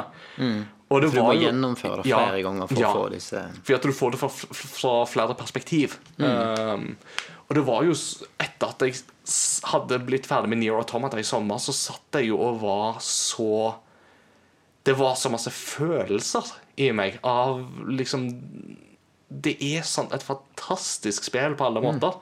Um, men ikke minst er det noe med at det er så filosofisk tungt, det spillet der. Det er liksom et av de få spillene jeg virkelig kan si er et spill som virkelig utfordrer deg som spiller på et eksistensielt og et filosofisk plan. Og som er sånn Og slutten i Near Automata, når du kommer til en sånn type sånn true ending-type variant, er noe av det mest unike. Jeg får liksom bare sånn chills nå bare jeg tenker på det. Eh, og alle som har spilt det, vet hva jeg snakker om. eh, og alle som ikke har spilt det, bør virkelig ikke vite hva jeg snakker om. Eh, Nei, jeg, hvis jeg kan bare skyte inn her Jeg har, um, ikke gjennomført det fullt, men Nei. jeg har hatt to sånne gjennomføringer. Så Ja. jeg har fått noen slutter. Ja. Men er det ut ifra sånn som jeg har tolka det, og nå spoiler jeg ingenting her, Mm. men uh, sånn som jeg ser for meg, er at det klarer å gjøre ting som Detroit Become Human prøvde. Mm. At det er litt den her eh, Ja, altså dette med er androider, hva er et menneske? Altså Dette klassiske spørsmålet fra Gamle testamentet og Salmenes bok med hva er da et menneske, ikke sant? Ja. er jo på en måte noe som står som et sånn kjernespørsmål i alle sånne spill som omhandler androider, kunstig intelligens, eh, hva er på en måte bevissthet og kognitivitet osv. Eh, men det er absolutt som du sier, at Near Automata får så sinnssykt bra til det aspektet der uh, som Detroit Become Human aldri er i nærheten av. Eh, så jeg har, Og ikke minst soundtracket i Near Automata er noe av det mest legendariske jeg har hørt. Og jeg har hørt veldig mye spilt soundtrack Uh, så igjen det, det er der hjertebarnet mitt snakk vil ligge. Så det er en sånn knallsterk honorable mention. Men prisen likevel for Ingers eh, beste spill pre-2018 som jeg har spilt i 2018, det er Red Dead Redemption. Ja Ah, Jeg liker at både du og meg synger på den, selv om den ikke har noen ting med Red Dead Redemption å gjøre. Det er jo klassisk cowboy. Nei, men altså, det, 2018 er jo et, et år som vil stå i Red Dead Redemptions tegn på mange måter. Og særlig for meg så vil det det, med tanke på at jeg da plukka opp Red Dead Redemption for første gang i år og spilte gjennom det for å lade opp til Red Dead Redemption 2. Og jeg kan honestly, helt ærlig si at det er en opplevelse jeg ikke angrer på i det hele tatt. Red Dead Redemption var en veldig god opplevelse sjøl i dag, og føltes absolutt som et sånt spill som en sånn Jeg var late to the party, men jeg, jeg hadde ikke vært klar for å spille det spillet da det kom ut, for da var jeg ikke interessert nok i western som sjanger. Den interessen har jeg fått kultivert mer i de senere årene, og jeg, det snakker jeg mer om i Red Dead-episoden som, vi tok opp eh, for eh, noen uker siden. Ja, så hvis det er spill her men dere syns vi går fort forbi, så er det nok mest sannsynlig for at vi har allerede snakka utdypende om de i en tidligere episode, annet Warframe. Ja. Men med det sagt, jeg tar gjerne en episode der vi snakker om Near Automata i full dybde og masse spoilers. og Ja, sånt på et med, med litt det det. eh, som et hovedtema, kanskje. Ja. Så det var da altså mitt eh, beste pre-2018-spill som jeg har spilt i år. Jeg har også spilt Assassin's Creed 4 i år, faktisk for første gang. Så det kan jeg nevne Men det nådde ikke helt opp, for det var altfor buggete. Men Shanties, Sea Shanties er den gøyeste collectible jeg har vært borti i 2018. Ja. Ja. Så da har vi vært igjennom det beste spillet som Eller beste spill fra før 2018 som vi spilte først i år. Men da er vi kommet til den andre enden av skalaen, som da er den største skuffelsen i 2018. Ja. um, og jeg vil veldig gjerne fortsette nå, hvis det er greit. Selvfølgelig. Fordi du har allerede nevnt det som er min største skuffelse i 2018. Oi, ja. nå er jeg spent. Ja, Og det er Detroit Become Human. Ja.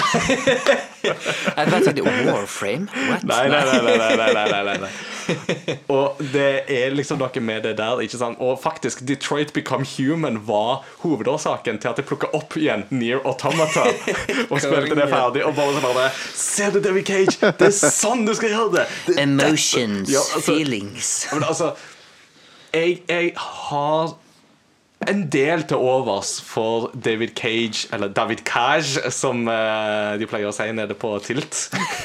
Siden han er fransk.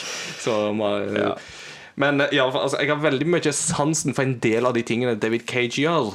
Og jeg vil så veldig gjerne at han skal lykkes med disse spillene sine. For jeg synes jo at en del av konseptene hans er veldig gode. Og Detroit Become Human er et av de spillene jeg har gleda meg mest til ganske lenge. Eh, Helt siden de introduserte tech-demoen Cara for fem år siden. Ja, som er Ja, kjempebra. og, og det som slår meg etter å ha spilt Detroit Become Human, er jo at Cara, en kortfilm på tre, fire eller fem minutter, får til så vanvittig mye mer å treffe meg i følelsesregisteret enn det Detroit Become Human klarer på 12-15 timer. Selv om jeg prøver meg på forskjellige varianter av storylines og sånne ting underveis. Og det er rett og slett det med at David Cage er ikke flink til å avslutte historier. Nei, han, han fomler litt eh, Ja, han fomler litt for lenge og er litt for opptatt av at han skal liksom bare sånn no chances, is a real thing, you know. Uh, og så blir det bare Og så blir det bare vas. Det blir så mye vas, det blir så mye klisjeer, og ja, det blir så mye Je suis David, David Cage. Tu t'appelles comment? Uh, je, le singe c'est la branche. Gry. Jeg bare ler, jeg bare ler at Christian kommer med liksom «Ah, Jeg kan ikke fransk. Je m'appelle. Jeg heter Je, je je, flø, som Det var litt sånn, Uno cerveza por favor. Ikke heis kran. Ja, ikke sant. Men så, eh, så, ja. så for meg så er da ja, altså David Cage har et problem med når han forteller historier. For at Han går i Mm. for mange klisjeer og tror han er et geni. Han lager spill med den tanken om at de skal være veldig cinematiske, men han glemmer litt å lage spill underveis. Eh, De, Ja. blir, altså, de blir for cinematiske. Men problemet er at hadde du introdusert dette på film, så hadde de ikke fått en god tilbakemelding. Nei. Uh, og, og så har han òg et lite problem når det gjelder portrettering av særlig kvinnelige rollefigurer. Som uh, Du ser det litt i Heavy Rain, uh, men òg i Detroit Become Human så har han et problem når det gjelder en god, realistisk framstilling av kvinnelige rollefigurer. Så det, er, ikke- det er ikke ja. samme problemet som Sinoblade Chronicles 2 hadde. Nei, eh, for Sinoblade Xenoblade Chronicles 2 er liksom bare holdt på å si, anime boobs eh, all over the place og fanservice. Uh, men eh, med David Cage så er det mer med at eh, kvinnelige rollefigurer blir veldig fort redusert til moderlig omsorg eller ofre for seksualisert vold. ja, det er jo litt tøft. Ja, og det er det er noen sånne ting der, altså. Og, men òg i forhold til minoriteter og sånne ting, så har du jo uten å spoile masse, så har du en stor, mørkhuda android i det spillet, som er liksom den der tause uh, mutter-rollefiguren, men som liksom alltid er der som liksom the muscle, og så er han jo egentlig god og snill, og sånt. Han er bare misforstått. Og det er liksom Du, du, du forutser det, altså bare ja, og et, og et helt kapittel. Og et helt kapittel som foregår i en mansion som ser ut som den er snytt ut av Resident Evil, og du bare Mm. skjønner at det, OK, hvis de går ned i kjelleren her, så dør de. Og så er det liksom akkurat det de gjør, og så der er det skumle ting. Liksom. Så, sånn. Men det, det er så dumt at det er sånn, for at for den gjengen han har med seg som står for det tekniske, grafikken, Mm. Ja. Dødsflinke, Ja. for de ser så vanvittig Ja fint ut. ja. Og Detroit Become Human har veldig realistiske skildringer av av ansiktsanimasjoner og lignende. og sånt Det er kjempebra. Der er det masse godt å hente. Og igjen, altså Grunnkonseptet, nemlig dette med at androids er en del av hverdagen, og mange blir på en måte veldig redde fordi maskinene tar over jobbene. og og sånne ting. Altså, det er veldig mye sånne ting som absolutt kunne blitt et veldig bra materiale, men det, det blir bare vas, rett og slett. Ja. Og så For min del så er det ikke tvil at um, Nå har jo ikke jeg spilt Fallout 76, og jeg bryr meg ikke så mye om Fallout egentlig.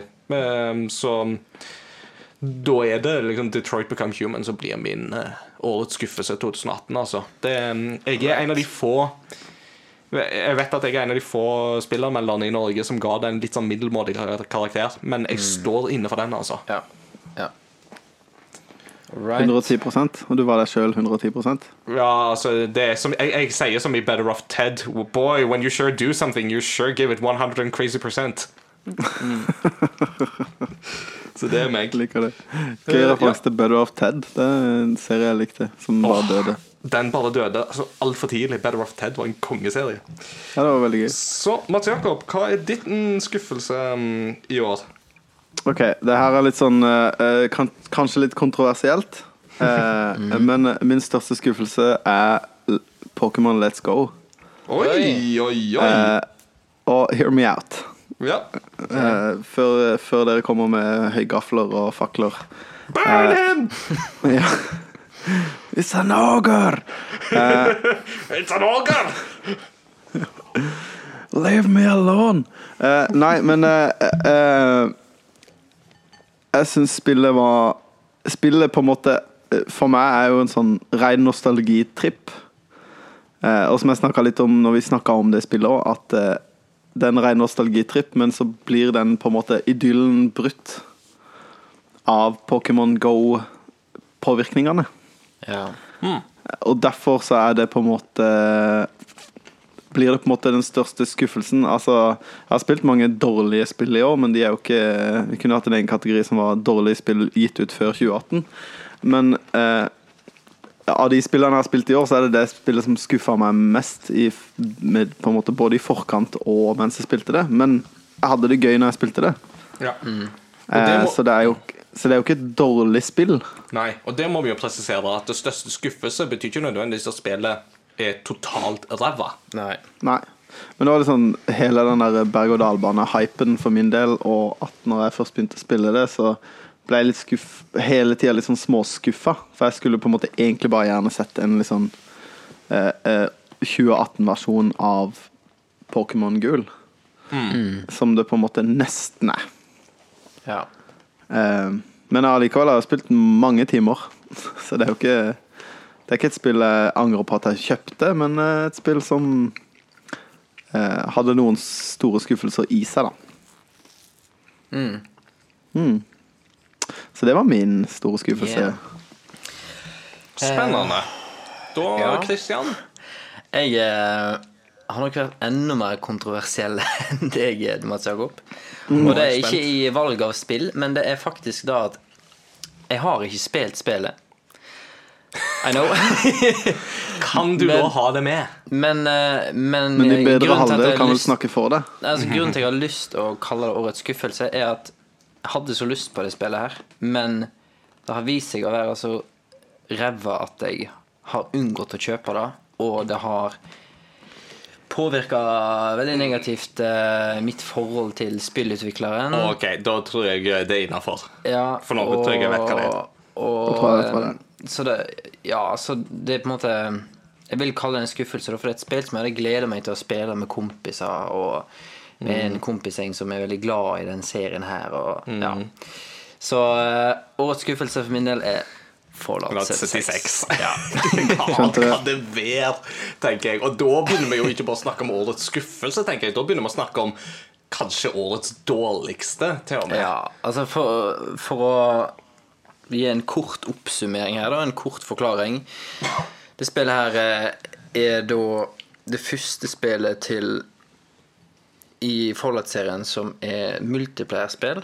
Og det er det første spillet med Bethesda sin eh, er Create Engine de kaller den? Den som de har brukt samme engine siden Elder Scrolls Oblivion, men bare de har liksom oppdatert den nå.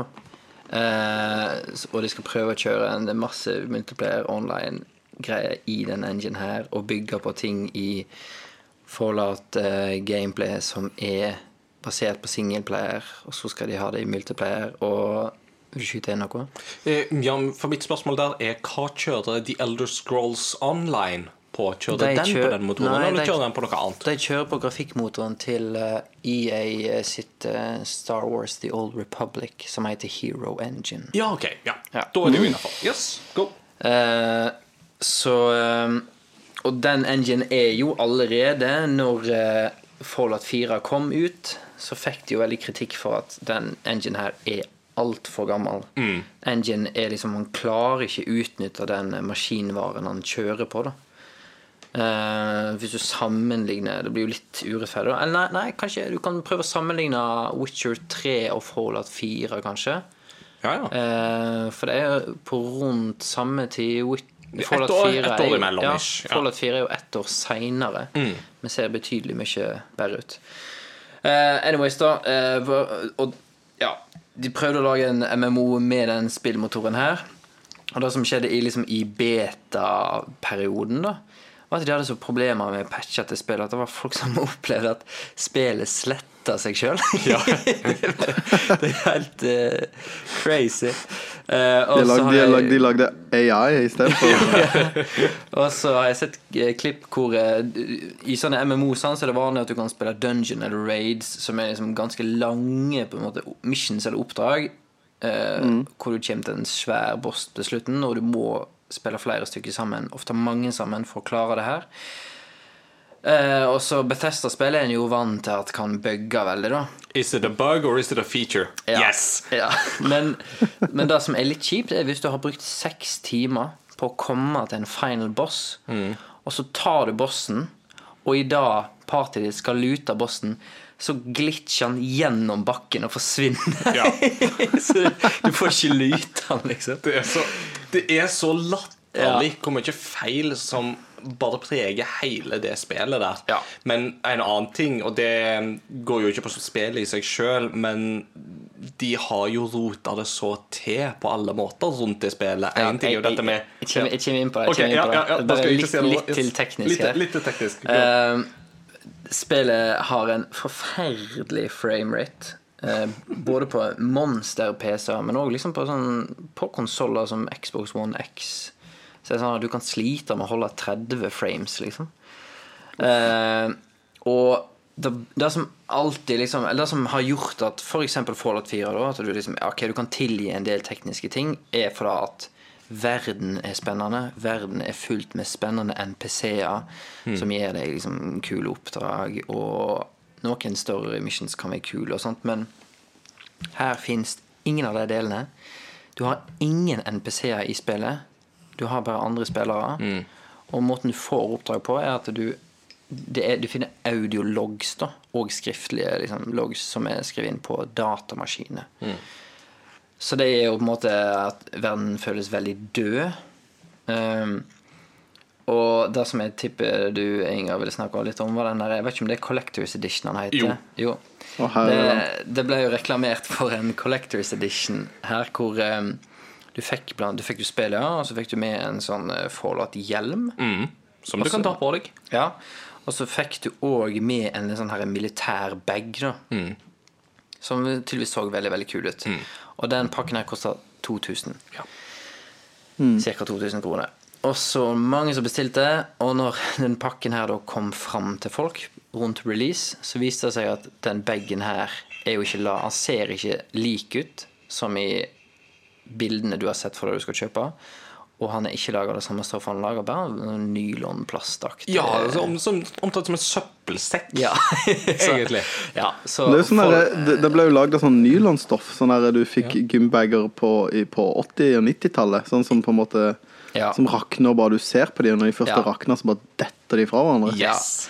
Og, og det som eh, Det som er dumt her, da, er at liksom, folk har liksom klagd sant, og vil liksom ha pengene sine igjen og, liksom, og spør liksom, ja, hvorfor i huleste er det har dette skjedd. Og da, da har eh, Bethesda sitt sånn help center gitt så mange forskjellige svar at det viser tydeligvis til at det, folk veit ikke hva som skjer her. da De har ikke kontroll sjøl.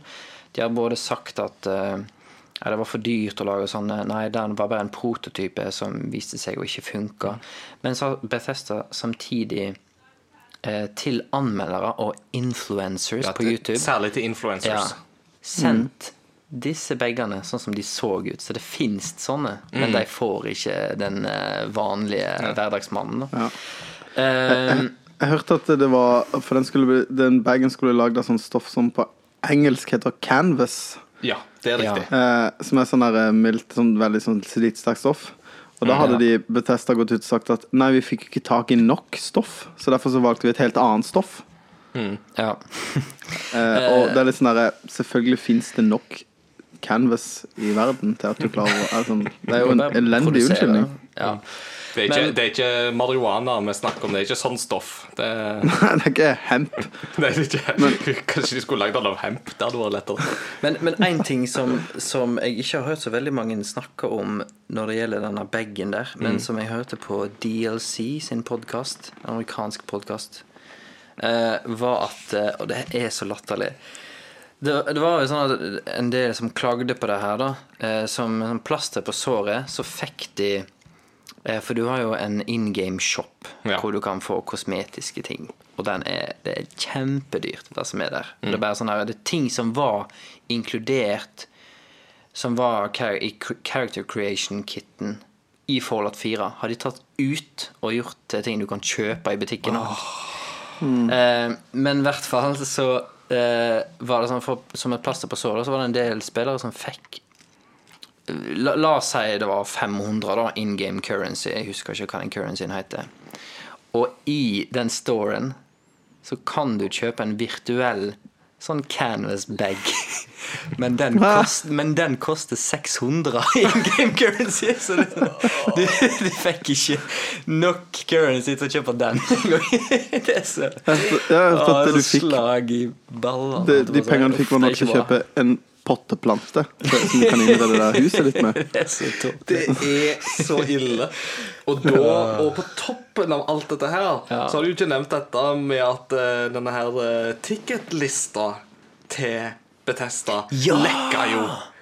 Sånn at det all, altså personopplysninger til disse som sendte inn tilbakemeldinger for å klage på ting eller måtte ha hjelp til ting og sånn, plutselig så lakk jo den lista.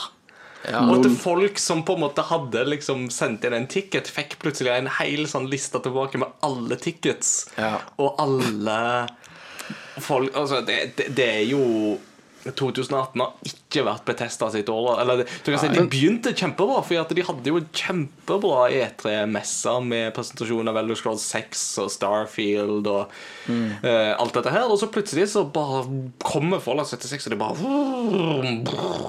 Ja. Men jeg syns det er så overraskende så for Betesta Vi snakka mye om Blizzard og liksom den kvalitetspakka der, da. Eh, og, og jeg har liksom hatt det inntrykket av Betesta da, at de gir liksom ikke ut altfor mange, men veldig gode spill. Ja, men... og bryr seg om spillene og liksom eh, eh, Skyrim var jo på en måte Det var jo snakkisen i to år før det kom, liksom. ja, men, men det som har skjedd her, er at eh, eh, dette studioet som før eh, hadde det der Star Wars Galaxies, som er en sånn tidlig Star Wars MMO, mm.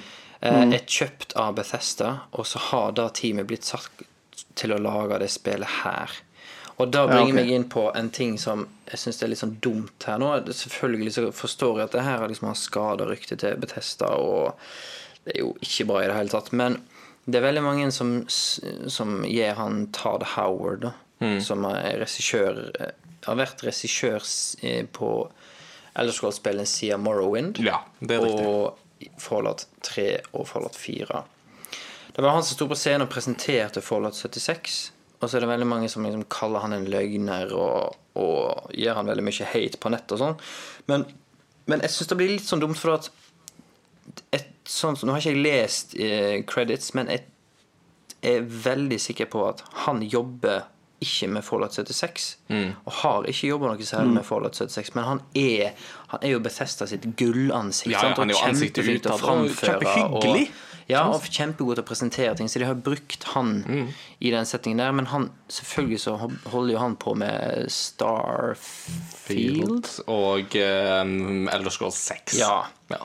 Så, så det, jeg syns det blir litt feil å liksom å, å angripe han, da. Ja, han har sagt de og de tingene på scenen, men det er et manus han har fått Ja, servert. er Altså. Ja, ja, ja. Men i, i forhold til dette som du nevner, Mats Jakob, med at Betesta Bethesda liksom har jo fått det sånn Har jo i utgangspunktet hatt et godt rykte på seg, så er jo Mm. det riktig. Men Bethesda har jo òg hatt et rykte på seg for å gi ut spill som er veldig fulle av bugs. Ja. Eh, Ja. Men folk har latt de slippe unna med det veldig lenge, fordi at det har på en måte Alt det andre er så bra. ja, alt det andre er så bra, og det har liksom ofte vært mye humor knytta til alle disse bugsa og sånt. Eh, men nå er det på en måte på det punktet at eh, når bugsa blir rett og slett så overveldende at uh, spillet ikke blir mulig å spille sånn som det er intendert å spille, da, da, da begynner nok folk etter hvert å våkne litt mer. Og det er jo, altså Fallout 4 var jo òg et eksempel på det, og det var jo litt sånn at eh, det virka jo altså, Jeg tenkte jo det at Betesta Bethesda slapp veldig billig unna med Fallout 4 fordi de var Bethesda. Men hadde et annet studio gitt det ut, så hadde de nok fått mye mer tyn for Ja. Fallout 4 da Ja. det kom ut. Og det ser du litt mer nå med Fallout 76. At nå tror jeg at folk virkelig på en måte begynner å liksom tenke at nå nå begynner jo folk kanskje opp øynene litt grann for at nå må Bethesda faktisk skjerpe seg, for at dette hadde vi ikke godtatt hvis det var for noen andre. Ja. Så eh, grunnen til at jeg spørsmål. eh, Ja. ja. Eh, eh, det her er, eh, det er et tankeeksperiment. Hvilken utvikler kunne gitt ut A No Man's Sky og sluppet billigst unna med det? Skjønte dere spørsmålet? ja. Ja. I dag For det er jo på en eh, måte Det er jo liksom eh, No Man's Sky er jo prima eksempelet på et spill som på en måte På ingen måte var det som ble lova. Eller forespeila. Det, er jo blitt det først nå, liksom, to år senere. Ja, nå, jeg har skjønt det, og nå er det jo Nå er det jo flere som spiller nå enn som spilte det når det kom, omtrent. Eh, Men, I eh, dag, sånn som eh, internettkulturen og, og, eh, og spillmediet er i dag, så er det så mange som har dumma seg ut at jeg tror, det ikke, jeg tror ikke det er så mange som hadde sluppet unna med det. Men bare for ett år siden så tror jeg det er flere som hadde kunnet sluppet billigere unna med det, da, i hvert fall. Ja, jeg, jeg tror ikke at noen hadde sluppet unna med det. Men hvem hadde på en måte fått mest Ikke- goodwill? Litt sånn som du sa med at Ja. man, man, man på en måte svelgte at Skyrim var buggy i begynnelsen fordi at det, det var Betesta og Skyrim var gøy. Ja, Kanskje Valve, tenker jeg. For at folk hadde bare blitt glad for at Valve hadde gitt ut et spill igjen. ja, ja. Som ikke er Artifact, eh, altså kortspill. Jeg tror faktisk sånn tidsmessig så må vi ta den neste kategorien litt sånn kjapt, jeg. Ja, det kan vi godt gjøre. Kristian, du har jo vært Altså, nå kan du få lov å begynne eh, med den. Og det er jo da spill, spillet du skulle ønske at du rakk å spille i 2018. Ja, der har jeg satt tre spill. Så da eh, Ja. begynner jeg med to eh, honorable mentions. Shadow of the Tomb Raider. Ja. Likte veldig godt Tomb Raider-rebooten. Likte ikke så godt uh, Rise of the Tomb Raider. Uh, det syns jeg faktisk er en god del dårligere. Eh, og så Det har ikke jeg fått testa, nei.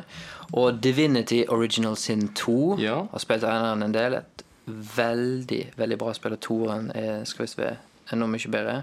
Og da tenker du på den type definitive edition som kom i år. Ja. For uh, selve spillet kom jo i fjor. Ja. Eh, og så da Det her ble jeg litt så overraska sjøl, men eh, det er litt av eh, andre podkaster jeg hører på, og anmeldere jeg, og folk i spillbransjen som jeg følger og sånn. Men eh, det spillet jeg angrer mest på at jeg ikke fikk spilt i 2018, som jeg nok ikke får spilt i 2018 heller, er faktisk Assassin's Creed Odyssey. Oh, ja vel. Den så jeg ikke komme. eh, det er flere som det, det kommer jo ikke så veldig lenge før Red Dead 2.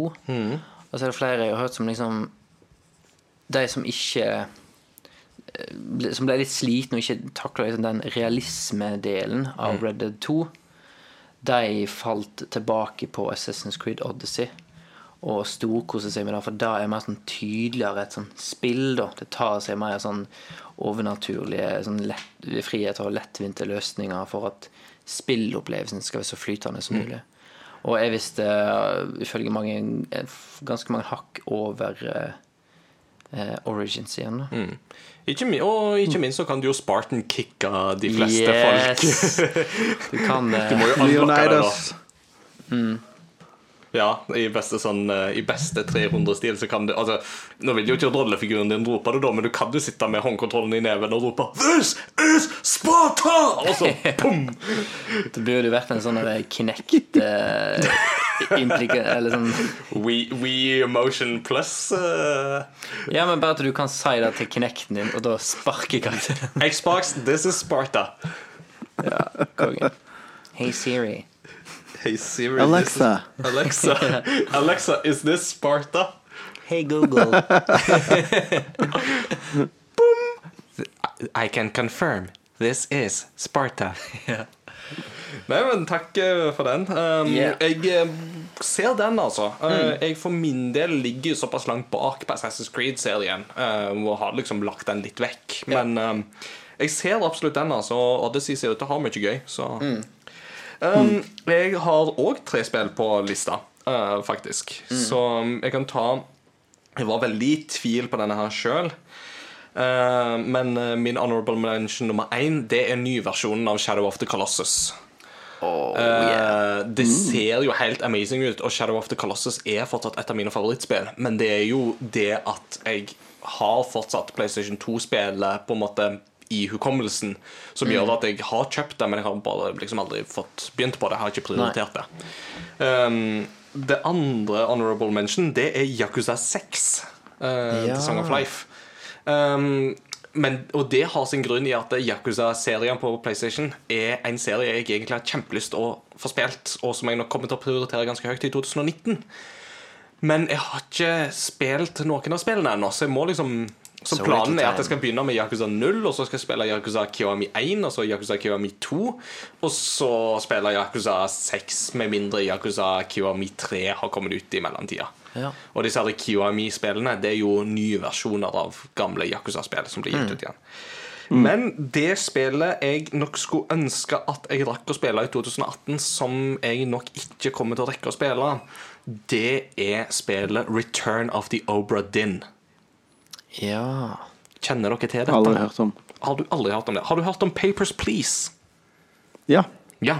Eh, Det er han eh, Lucas Pope, er det vel han heter. Det er Det er det svenske spillet. ja, og det er hans, eh, hans nye spill. Ja, er da kult. Return of the Obra Dinn. Som da er et sånn type sånn mordmysterium-lignende spill, der Obra Dinn er et skip uh, i England, begynnelsen av 1800-tallet, der- som glir inn havn, i havn, og alle døde.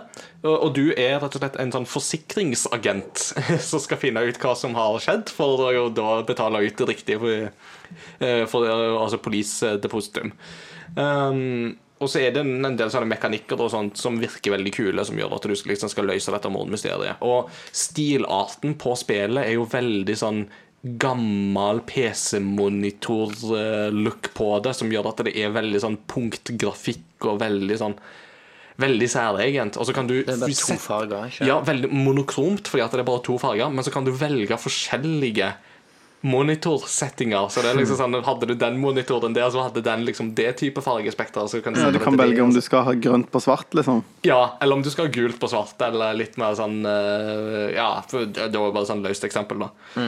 Um, og det har fått knallgode tilbakemeldinger. Um, og folk er liksom det, det er et spill du vil se på en del Game of the Year-lister hos folk som har rocka og Mm. det. Eh, men for min del så tror jeg ikke at Altså, nå reiser jeg vekk på juleferie på søndag, så det, jeg rekker ikke å komme igjennom det eh, og få spilt det. Eller, jeg har ikke råd å kjøpe det akkurat nå heller, for den saks skyld. Så. så det er nok mitt sånn wish I'd played 2018. Men utover det så føler jeg at jeg har klart å på en måte komme meg igjennom det meste jeg vil komme meg gjennom. Så jeg er fornøyd med 2018 sånn sett. Kult. Ja. Yes. Eh, jeg tolka den eh, også litt som at eh, frem til nå eh, Så det eh, eh, to av spillene her jeg spiller, håper jeg får til jul.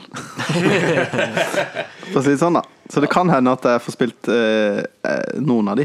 Men eh, det første eh, Altså, hva skal jeg si For å ta liksom eh, elefanten ut av rommet, det er jo Super Smash. Har jeg ikke spilt. Jeg gleder meg veldig til å spille det, og kanskje jeg får spilt i 2018, hvis ikke så blir det i 2019. Så det er jo det er nummer én. Men jeg har to honorable mentions, og den ene er eh, Spyro Reignited Trilogy. Ja, ja.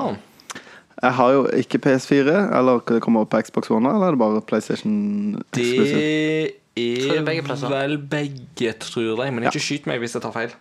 For det er Nei. vel Activision Eh, Det kan jeg google mens du sier det. Spyro-spillerne da jeg var barn. Mm. Eh, Jeg hadde jo ikke PlayStation sjøl, men jeg hadde flere kompiser som hadde det. Og syns det, var, synes det er veldig, har veldig veldig gode minner fra det. Mm. Eh, og har på en måte Når, når Insane Trilogy med, med Crash Bandicoot kom, så tenkte jeg bare at de må jo lage Spyro òg, som mange tenkte. Og så kom det jo. Ja. Så det er noe jeg veldig, gleder meg veldig til spillet. Mm, det er tilgjengelig på Xbox One òg, ser jeg her. Ja. Ja, Og så ja.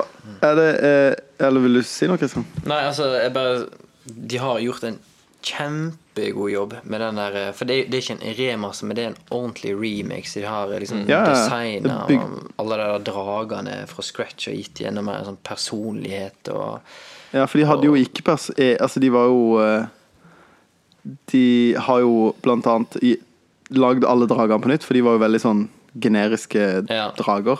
Ja. Og så har de gitt alle nye nytt, De har nytt manus. Så de på en måte sier noe, noe nytt som er på en måte veldig sånn særegen til den karakteren de er. Men blant, de har blant annet fått igjen samme stemmeskuespilleren som, hadde, som gjorde uh, spill nummer to og tre. ja. Uh, for det var en annen som gjorde første spillet. Mm. Så første spillet så var han litt sånn der eh, frekk og var litt sånn sassy. Litt Sonic. Ja, litt Sonic, og, og det likte på en måte folk ikke. Sånn at han som gjorde spill to og tre, hvor han ble litt mer sånn der eh, eh, Hva skal jeg si? Eh, Litt sånn kid. Sånn eh, uskyldig, spunky kid, på en måte. Mm. Eh, de har på en måte gjort det i eneren, så det er en ting som jeg har- tenker at hadde vært dritkult å se. Og oppleve at liksom få på en måte den Spyro som på en måte Spyro ble før eh, Skylanders. så eh, Se han i det første spillet, da, som er det jeg husker aller best av de spillene. Ja. Eh, men, eh, andre honorable, siste honorable mention er et spill som heter Toki. ja. Eh, som opprinnelig er et arkadespill fra 80-tallet, men jeg hadde det på Sega Mega Drive da jeg var liten. Eller kusina mi hadde det, men vi lånte den Segaen veldig lenge, så jeg på en måte følte at det var min. Eh, så det er et spill Nå kommer kona mi inn, altså, for å se at jeg Får se om jeg er ferdig. Eh, men eh, eh, det er et spill som de har eh, remaka til Switch. Det er riktig. Jeg så det på GameStop forrige uke. Ja. Okay. Og så trodde jeg ikke det kom til eh, Jeg hadde ikke fått med meg at de skulle remake det før jeg så en, en anmeldelse på YouTube. Men eh, det som er kult, er at den kommer bare i special edition. Du får ikke kjøpt det på en måte bare som en enkel edition. Og der kommer det med en sånn Du bygger en liten arkademaskin som du kan sette Switch-skjermen i. Sånn at du får på en måte sitte der og spille det som en liten arkade. Med kult. liksom decal-klistremerker, og så du kan liksom Ja. Se for deg en Det sånn Neo. Geo Mini bare med switchen i. Og så heter han da- ikke Collectors Edition, men han heter Retro-Lector Edition. Men er det den du òg ønsker deg til jul, da, kanskje? Ja. Eller? Ja. Nice. Nice. Stilig. eh, og så og så koster det faktisk Den special edition koster bare 350 kroner. Ja. Eh, og Toki er et veldig kult arkadespill. Storyen er at uh, det er verdens enkleste story, men storyen er at uh, eh, dama di blir kidnappa av en trollmann, og så gjør han det til en ape. Og så er du en ape som kan spytte forskjellige typer pro prosjektiler ut av munnen din. da Konge. Men det er veldig, veldig kult spill. Så det er absolutt å sjekke ut. Spesielt Jeg syns jo Megadrive-versjonen er den kuleste, da. Men eh, nå har jeg ikke prøvd den nye. Nice, nice. Så det er spill. Eh, selvfølgelig eh, Ja. ja. God of War og, og alle disse her eh, store spillene som kom ut i 2018, er jo sånn Litt som han ene sa i, i lytterspalten, at eh, at det er liksom ikke sånn Den moderne gameplay-stilen er liksom ikke den som fenger meg. Sånn at det er ikke spillet jeg på en måte føler jeg går glipp av. Jeg skulle gjerne på en måte være begeistra for Red Dead, men så er jeg på en måte ikke det. så Nei, det er jo ærlig sak, da. Ja da. kan jeg ikke på en måte gjøre noe for å bli det heller, tror jeg. Nei, nei. Godt, godt. Da har vi alle vært gjennom disse tre underkategoriene. Og uten, without further ado så tenker jeg vi går da til den prestisjetunge Game of the Year-lista. Årets spill 2018 for hver enkelt av oss, og det er en topp fem-liste. Så her tenker jeg at vi jeg, jeg tenker at For tidas skyld så dropper vi honorable mentions her. Her tenker jeg at de topp fem får Ja. gjøre jobben sin. Så, Mats Jakob, da er det din tur til å begynne igjen. For da har vi på en måte gått gått runden. Så hva er dine topp fem 2018-spill? Ok. Eh, vanskelig å sette et spill i toppen, syns jeg. I og med at eh, majoriteten av spillene jeg har spilt i år, ikke er 2018-spill. Men jeg har da valgt en nummer én. Eh, og det er rett og slett valgt en nummer én som ikke jeg har fullført, men som jeg på en måte vet at jeg kommer til å fullføre og like. Ja, men Jeg det har er spilt lov. såpass mye at, eh, at eh, jeg kommer til å like det. Men eh, vi begynner på bunnen, og på en femteplass der har jeg Enter the Gungeon. Ja. Yes. Eh, som jeg snakka litt om før. Som er en sånn twin stick shooter, eh, rogelike, eh, med random generated dungeons. Eh, som er eh, veldig kult. Som jeg har spilt en del. Eh, blir aldri god. Eh, jeg vet at man kan fullføre Hvis man er god i spillet, så tar det 45 minutter å spille igjennom. Cirka. Men eh, jeg tror jeg har overlevd maks 20 minutter. Oi. Så det, er jeg hadde spilt det. Nei, men uh, måten du beskrev det på, kunne jeg liksom sagt om Dead Cells. Så jeg, jeg skjønner veldig godt følelsen. Det er kjempegøy, og så er det på en måte Hadde det vært sånn at på en måte banen var like hver gang, så hadde det jo ikke tatt lang tid å lære seg banen. Men siden Nei. banen er ny hver gang, så kan du på en måte ikke lære deg, du må bare bli god. Eh, og det er litt gøy, men det er jo tidkrevende. Så det er min nummer fem. Min nummer fire er Pokémon Let's Go. OK, så du har det på Ja, men det, Det, det er lov, det. rett og slett på Ja, jeg, jeg koste meg masse med det spillet, selv om jeg ble skuffa over Selv om det var på en måte årets skuffelse, Mm. noen aspekter av spillet. Men, men uansett hvordan du vrir og vender på det, så er det jo et, en remake av et kjempebra spill. Ja. Som jeg har brukt uh, mange hundre timer av livet mitt på fra før av. Eh, så det var ja, altså, når jeg var barn, så hadde jeg jo eh, seks Pokémon i level 100. På en måte. Eller sånn. Det er jo Brukte jo helt ekstremt mye tid på det. Ja, altså, du, du kan jo få en eh, B på en eksamen og være skuffa. Så det er jo på en måte Ja, ja. Det, Jeg føler det er en fair sammenligning. Ja, det er et spill som hadde noen aspekter som ikke var gøy, men som allikevel er et veldig bra spill. ja. Kult. Eh, på tredjeplass har jeg Needhog 2. Ja. Ja. som jeg snakka om før. Som er eh, Jeg har ikke fått spilt det så mye, siden det er på en måte gøyest når man er to. Eller tre eller åtte. Eh, men det jeg har spilt av det, er bare syns jeg var helt enestående. Og er et spill jeg kommer til å spille mange ganger i mange år fremover. Eh, helt fram til Nidhogg 3 kommer, hvis det er bra. Eh, men et perfekt eh, partyspill. Engasjerende og hektisk. Eh, Så Nice. på andreplass, der har jeg et IOS-spill. Oi, oi, oi, oi. Snap to Der press. har jeg The Room 3. Ja. Ja. Kom det ut i år? Som Kult. Ja, gjorde det ikke det?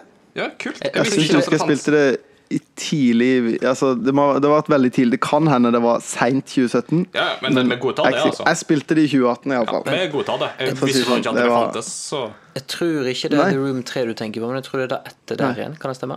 Ja, det, det siste The Room-spillet, da. Ja. Mm. ja. Det heter kanskje ikke The Room 3, nei, det heter kanskje The Room uh, something. ja jeg tror Men uh, ja. ja. Uansett, det siste The Room-spillet, da. Mm. Jeg har spilt alle spillene når de kom, og uh, satt meg ned og spilt til jeg er ferdig. Veldig kule spill. Det er helt fantastisk bra. Så hvis dere ikke har spilt The Room, så har dere mange, mange gøye spill. Anbefales uh, Noen av de fins på iPhone, men jeg vil anbefale å spille på iPad. Eh, helt fantastiske puzzlespill. Og for ordens skyld så hadde ingenting med filmen The Room av Tommy Wiseau å gjøre. Nei, ingen plastikkgreier involvert. I did not hear that. Men hvis du har lyst på litt sånn uh, Lovecraft-stemning i julet, Mm. så, uh, så er vel The Room Det er jo litt Lovecraft, er ikke det? Ikke Jo, det er det. Lovecraft, Det er ganske det er, Men det er helt fantastiske spill. Altså Ja. Det var de spillene som fikk meg til å skjønne at, at IOS er en legitim plattform, og ikke bare sånn når du bæsjer spill, måte. For å være litt rett fram. Ja. For det var jo det det var før jeg spilte det. Så var det liksom Angry Birds og Er det det, er det det som heter The Room Old Sins? Ja, Ja. stemmer. For Kom det i er- 2018? Ja, for det kom tidlig i 2018. Uh, Ja, det var det jeg trodde. Da Er det gyldig? Da da er det gyldig, gyldig. ja. Så det var nummer to. Og på toppen så har jeg Octopath Traveler. Å, Oi. nydelig. Yes. Kult. Det er et spill jeg har spilt, eh, jeg har spilt masse, Ja. men eh, på ingen måte ferdig. For det er jo et stort spill. Det er kjempestort. Eh, Men uh, det er et spill eh, som akkurat nå ligger på hylla, men uh, jeg vet at jeg kommer til å plukke det opp igjen. Eh, uten tvil. Men det kan hende det blir sånn Xenoblade-prosjekt, på en måte. Ja, ja. At det tar noen år før jeg blir ferdig med det. Fordi at Det er verdt det. Det Jeg kan skrive under på det, altså. Ja. Og det soundtracket. Kjempebra. Og jeg syns voice actinga er kul, og jeg digger den der eh, 2D sprite over sånn eh, semi-3D-bakgrunner, og jeg syns, alt er tøft. Ja. Og det, det snakker i retro-hjertet, og det snakker i Switch-hjertet, og det er liksom Det treffer så mange punkter, da, som Du gjør at det det, spillet er ja.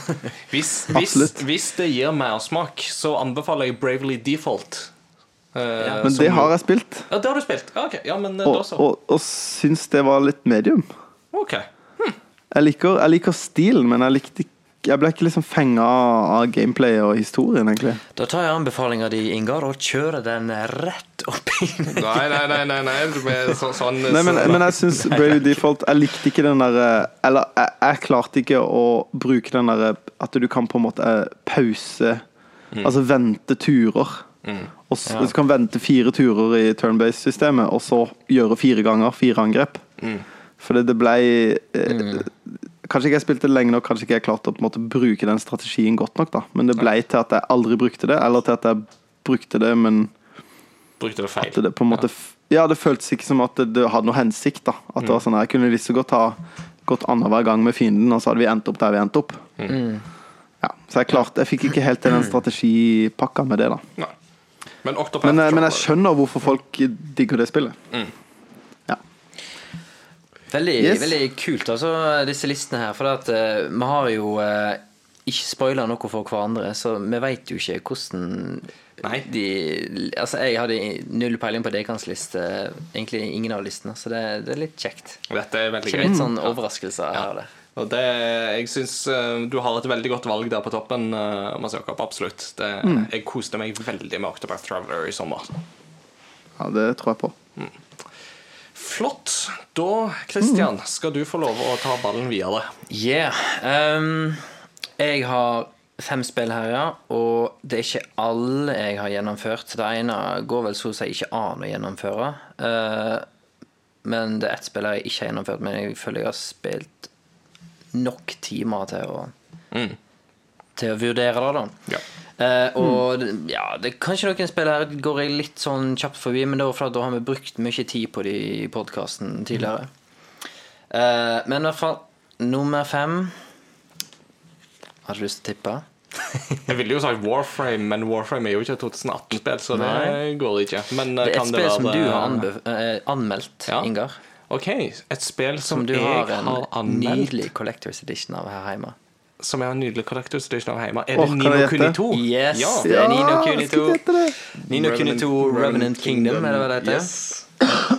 Det er jo uh, Ja, det har ikke så veldig mye med Nino Kuni 1 å gjøre, men stilen veldig veldig lik. Det er en nydelig sånn eh, animert stil, så det ser Mm. ut som en animefilm som går i 60 frames uh, Mm. i sekundet. Kjempefin soundtrack. Ja. Veldig sånn sjarmerende chibi-figurer når du spiller i open world Mm. map. Forskjellige gameplay-typer som Jeg syns alle gameplay-typene var veldig spennende. Jeg likte enda bedre combaten her enn i eineren. Samme her. Kjempesjarmerende spill all Mm. over. Eh, konge at spillet åpner med at presidenten i USA eh, blir gjennom en atombombeeksplosjon sendt til en annen verden og er plutselig 30 år yngre. Det er liksom premisset for Nino Kuni 2. Er jo dette, for det vel New York-tema òg, som plutselig blir Ja. bare på en måte sprengt i filla av en atombombe. Ja, ja. Og som et resultat av det så blir han av en mystisk årsak frakta til en fantasy-dimensjon og Så, er yngre. ja, så i løpet av fem minutter så skjønner du bare OK, jeg må bare ha fullt open mind her. Jeg, jeg, jeg, jeg har ikke peiling på hva den verden her kan by på, hva som er innenfor eller utenfor i den verden her.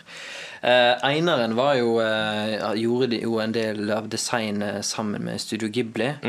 Det har de ikke gjort denne gangen her, men tydeligvis tatt med seg veldig mye av det de lærte gjennom samarbeidet med Studio Ghibli. Det er sant. Og de har noen nøkkelfolk likevel så fra Ghibli som Ja, har ok. vært med litt Ja. likevel. Eh, og komponisten er jo den samme. Eh, det er jo Ja. Hisaishi, Ja. som jo har komponert musikken til så å si alt av Ja, Studio er Ghibli. sånn og som hadde det første musikk. Ja. eh, Ja.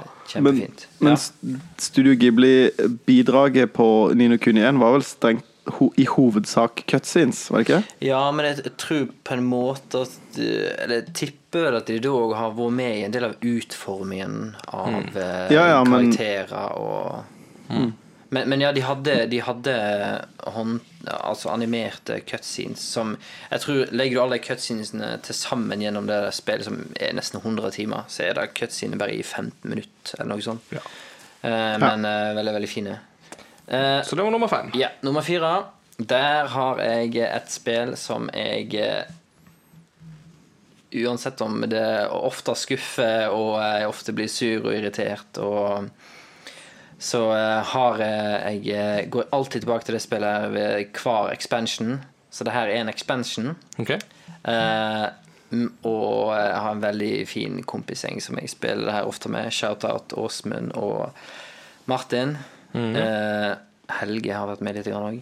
Det er da Destiny 2 og expansion Forsaken. Uh. Og det er Destiny 2 enda bedre.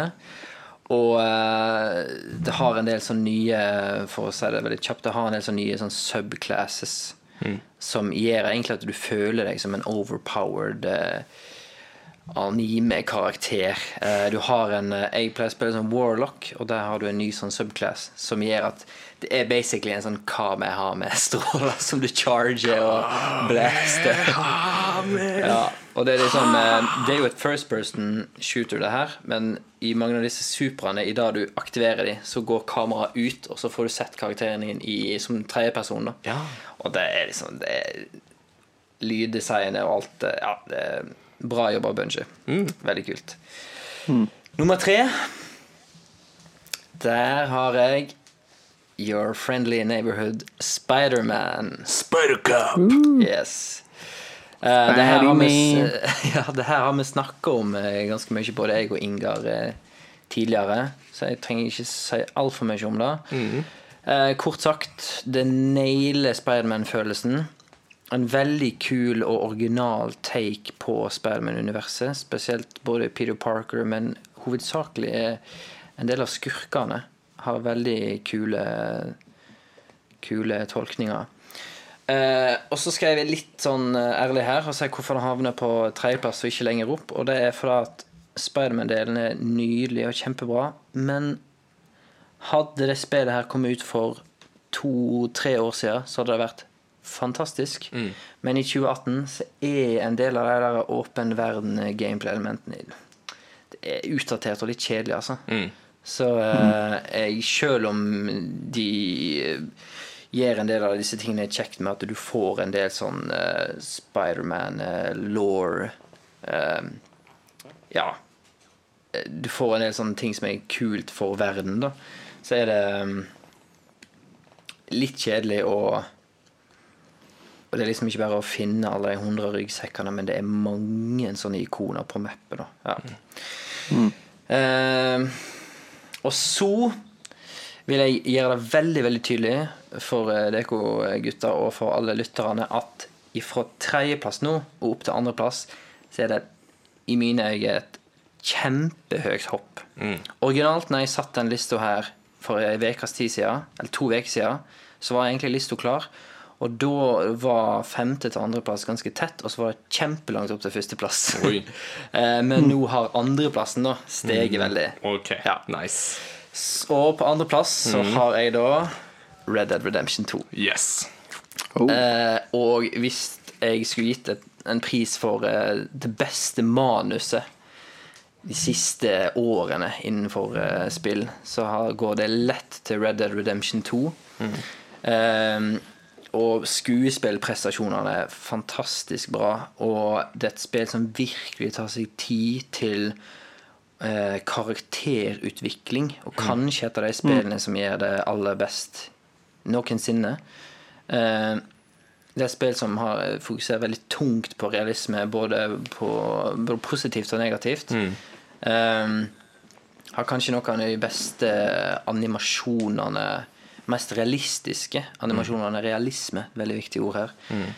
I noen spill jeg har sett amazing grafikk. Jeg skjønner ikke hvordan de klarer å få eh, PS4 til å se sånn ut. Det, det er jo et spill der hele spillet ser ut som Uncharted 4, Ja, ja. men det er en åpen, gigantisk levende verden. Ja. Eh, for du har jo en sånn her eh, Ja, en sånn view distance, da, som, eh, som ofte er litt sånn eh, en flaskehals i åpen verdensspill. Og det vil si at ofte er det òg en slider på PC som du kan liksom slide opp og ned, og jo høyere du setter den, jo tyngre er det for maskinen. For da skal den rendre ting lenger og lenger unna. Og eh, hvis du har ganske lav eh, view distance, så vil du oppleve at når du nærmer deg ting, så popper det opp. Eh, Fallout, eksempel på det. Og egentlig Breath of the Wild òg, på en del ting. Ja. Jeg har nesten aldri opplevd det i Red Dead Redemption 2. Jeg kan stå på en fjelltopp og se at på fjellet helt tilbake så ser jeg individuelle tre som står opp. Eh, men eh, ja, så amazing, amazing grafikk. Og musikken, fytt i grisen. Altså, ja, mange av disse spillene her har kul musikk og veldig majestetisk og stor musikk, men her Jeg spilte et oppdrag, et story mission. Jeg skal ikke si hva story mission er. Det er vel i kapittel fem i spillet. Eh, det er veldig intens situasjon. Masse skuddveksling. Eh, samtidig som du egentlig skal prøve å snike deg, og alt sånt, og det tar veldig av. Det er en svær bande som skal inn og gjøre et oppdrag. Og det eneste du har av musikk, er et trekkspill. Som ligger Ja, riktig, riktig. kun et solo trekkspill. Og så ville du tenkt på Hæ? Hva er det som er action med det? Men det er, i pakken så er det dødsbra. Det er så kult. Så det, det er sånn, de, har, de skjønner liksom at bra musikk trenger ikke være majestetisk og svært, men det kan være minimalistisk. Um, Og um, det er et spill hvor du kan lese masse ut ifra situasjoner, ut fra ansiktsuttrykk, fordi at ting er så bra animert, som sagt. Eh, ja, det er et spill som nå etter å ha gjennomført det Uh, Arthur Morgan, In My Heart. og det er et spill som jeg kommer til å ha, ha liksom tydelig i mitt spillminne da, uh, i veldig mange år.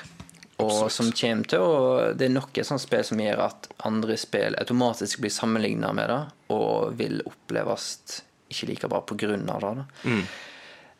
Så har jeg bare, bare en grunn til at jeg ikke havner på en andreplass. Det er Førsteplass. Den, eh, ja, til at det ikke havner på førsteplass. Den uh, realismen gjør at det blir litt seigt. Mm. Eh, det er for masse ting som skal animeres i ny og ne. Tem Tempoet er veldig sånn Ja, ikke alltid helt der. Og eh, kanskje litt sånn uvanlig og litt upopulær kommentar, men det er litt for langt. Ja, men jeg er enig i det. Ja. Det er for langt. Og, eh, og det er en, lengden er en ting som førsteplassen har naila. Så da kommer det. Eh, det er fortsatt eh, noen steg opp her altså, til førsteplassen, og jeg tipper du, Ingar, eh, skjønner hva Jeg, spillet her jeg er. er bare liksom fyrer meg opp nå til liksom begynner å på en måte chante på islandsk. Så blir det sånn bum, do, do, Ja. dum, Og det er selvfølgelig do, Boy. God of War. God of war. Boy. Yes. God of boy. Hvis, hvis jeg skal oppsummere det her Jeg skal gå litt inn på detalj, jeg tar meg tid til det. Eh, men hvis jeg skal oppsummere det her, da Når jeg ser, ser tilbake på spillåret 2018, så er det ett spill, eh, kun ett spill, som har gjort at jeg totalt har glemt begrepet tid. Ja.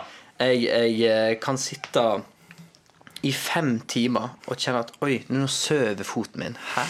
Jeg har litt vondt i ryggen. Hva, hva er det som skjer? What?! Fem timer? Shit, nå må jeg skru, save og skru av og ut og lufte meg litt.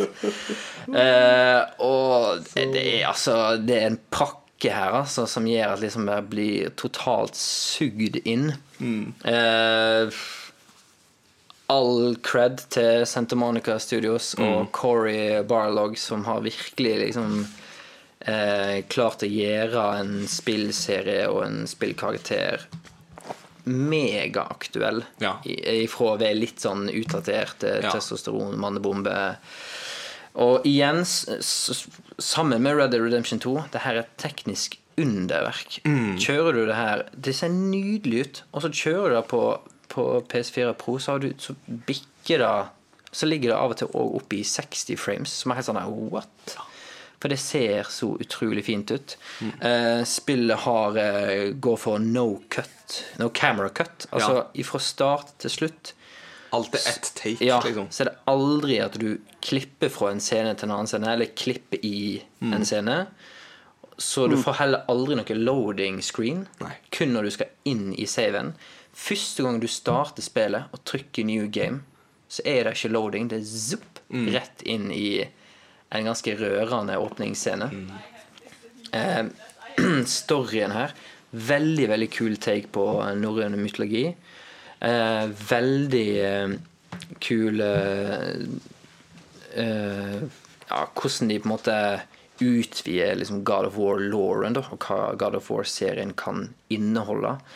Eh, ja, de klarer å gjøre serien aktuell igjen. Eh, og spillet, både gameplay-messig, karaktermessig og liksom law-messig, hva spillet faktisk tar for seg, så blir du overraska på nytt og på nytt og på nytt. Og der, der er det en sånn Det er en følelse jeg liker veldig veldig godt hvis jeg ser en serie eller en film eller et, spiller et spill, og jeg i løpet av en time eller to føler ja, nå har jeg oversikt over hva den verden her inneholder, og hva som er mulig i den verden.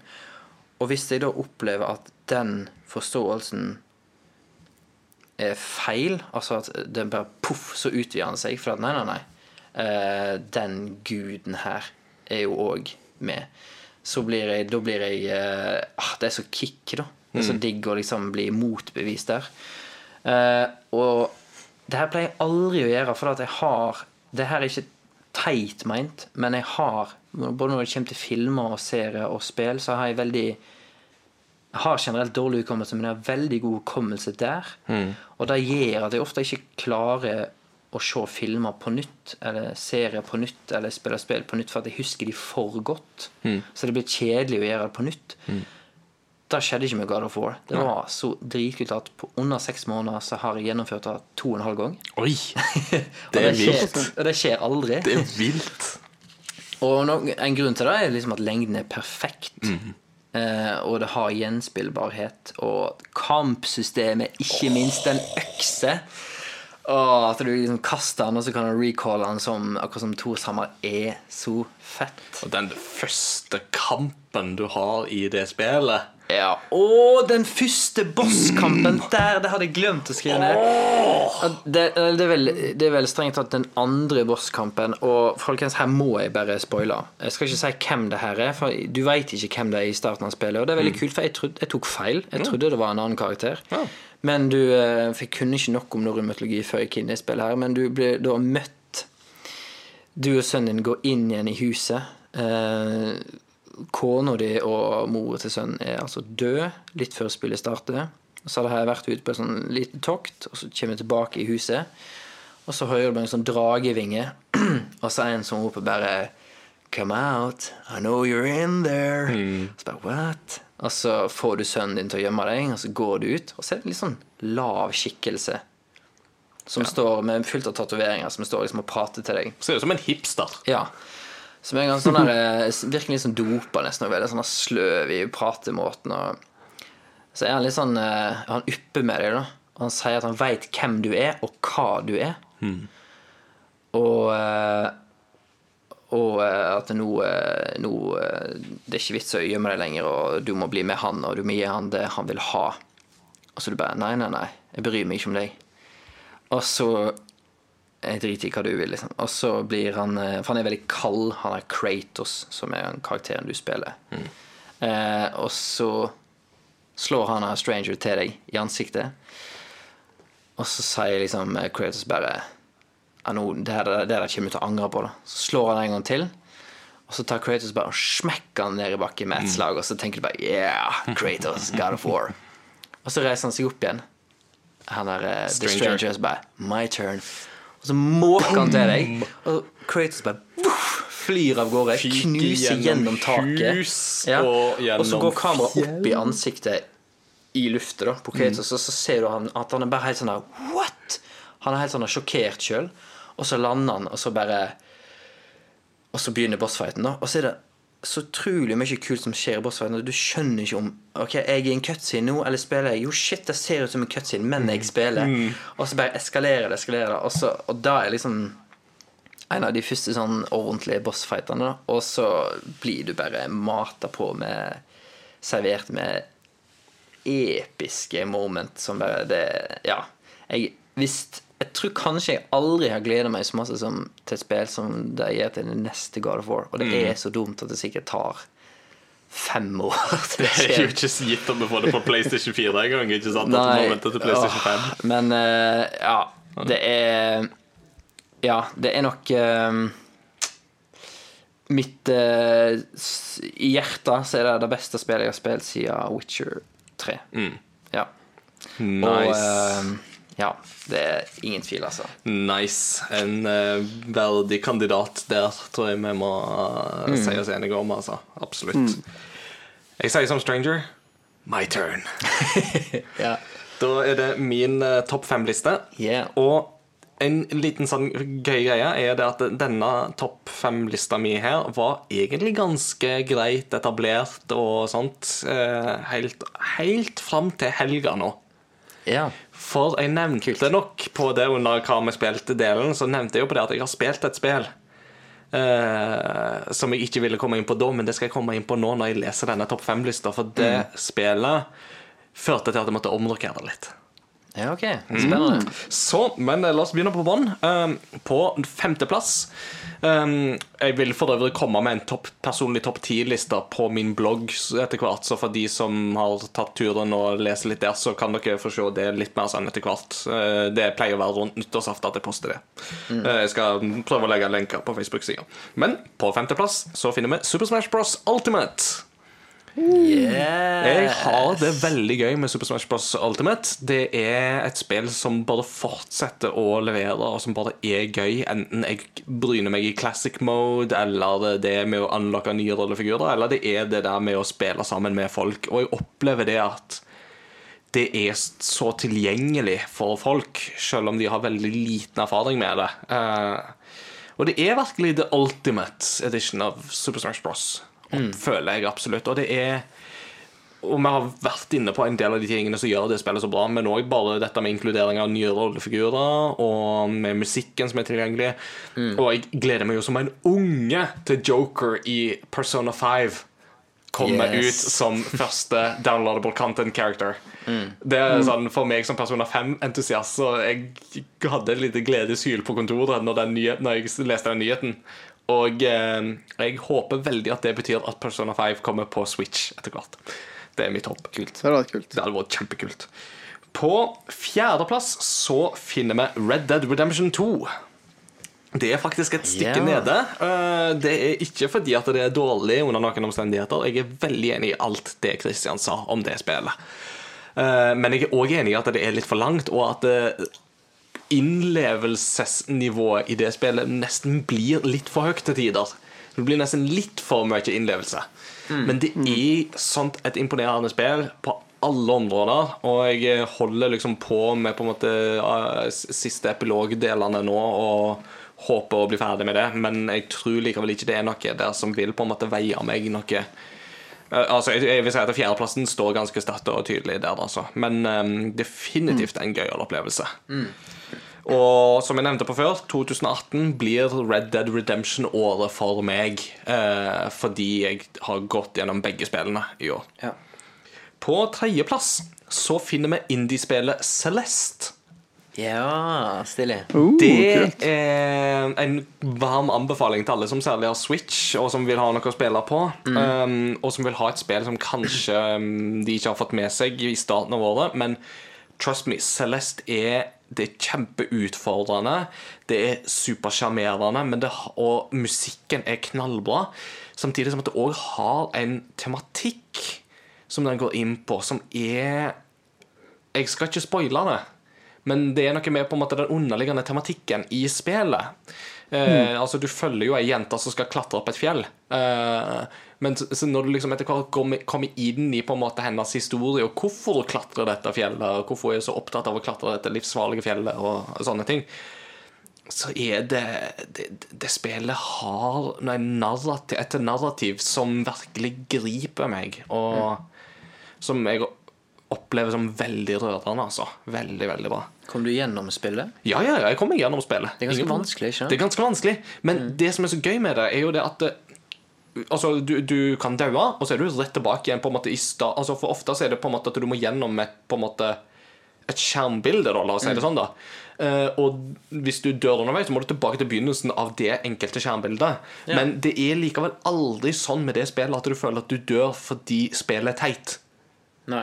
Og du merker liksom alltid at dette kan jeg få til. Og det er denne millimeterpresisjonen som du ofte er vant med fra den gamle Nes og Snes eh, og Sega-spill, som er litt sånn For Megamann-entusiasten i meg så er det sånn at, og Shovel Knight-entusiasten så er det sånn at dette her klarer jeg hvis jeg bare på en måte terper og prøver en gang til, en gang til, en gang til.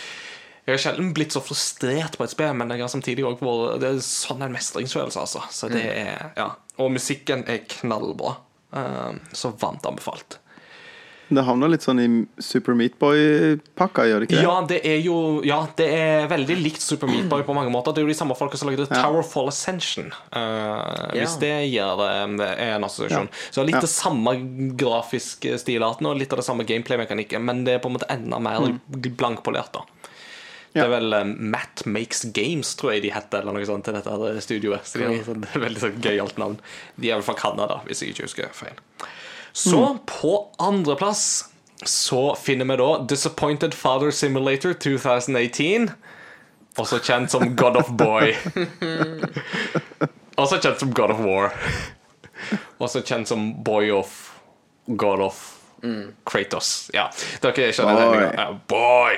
Eh, for et spill, altså. Igjen, du, du, du hørte jo meg pitche inn litt ting her med Christian i, i stad, men altså, det er jo Det er en bragd, det spillet der. Det er et mesterverk fra start til slutt, både teknisk og narrativt, og som en av våre lyttere, Sondre, var inne på, ikke sant? Altså, den originale taken på norrøn mytologi som du får i det spillet. En mytologi som har liksom blitt brukt så mye i moderne populærkultur at du føler egentlig du har sett alt, og så kommer God of War og har en fullstendig original take på en del av tingene.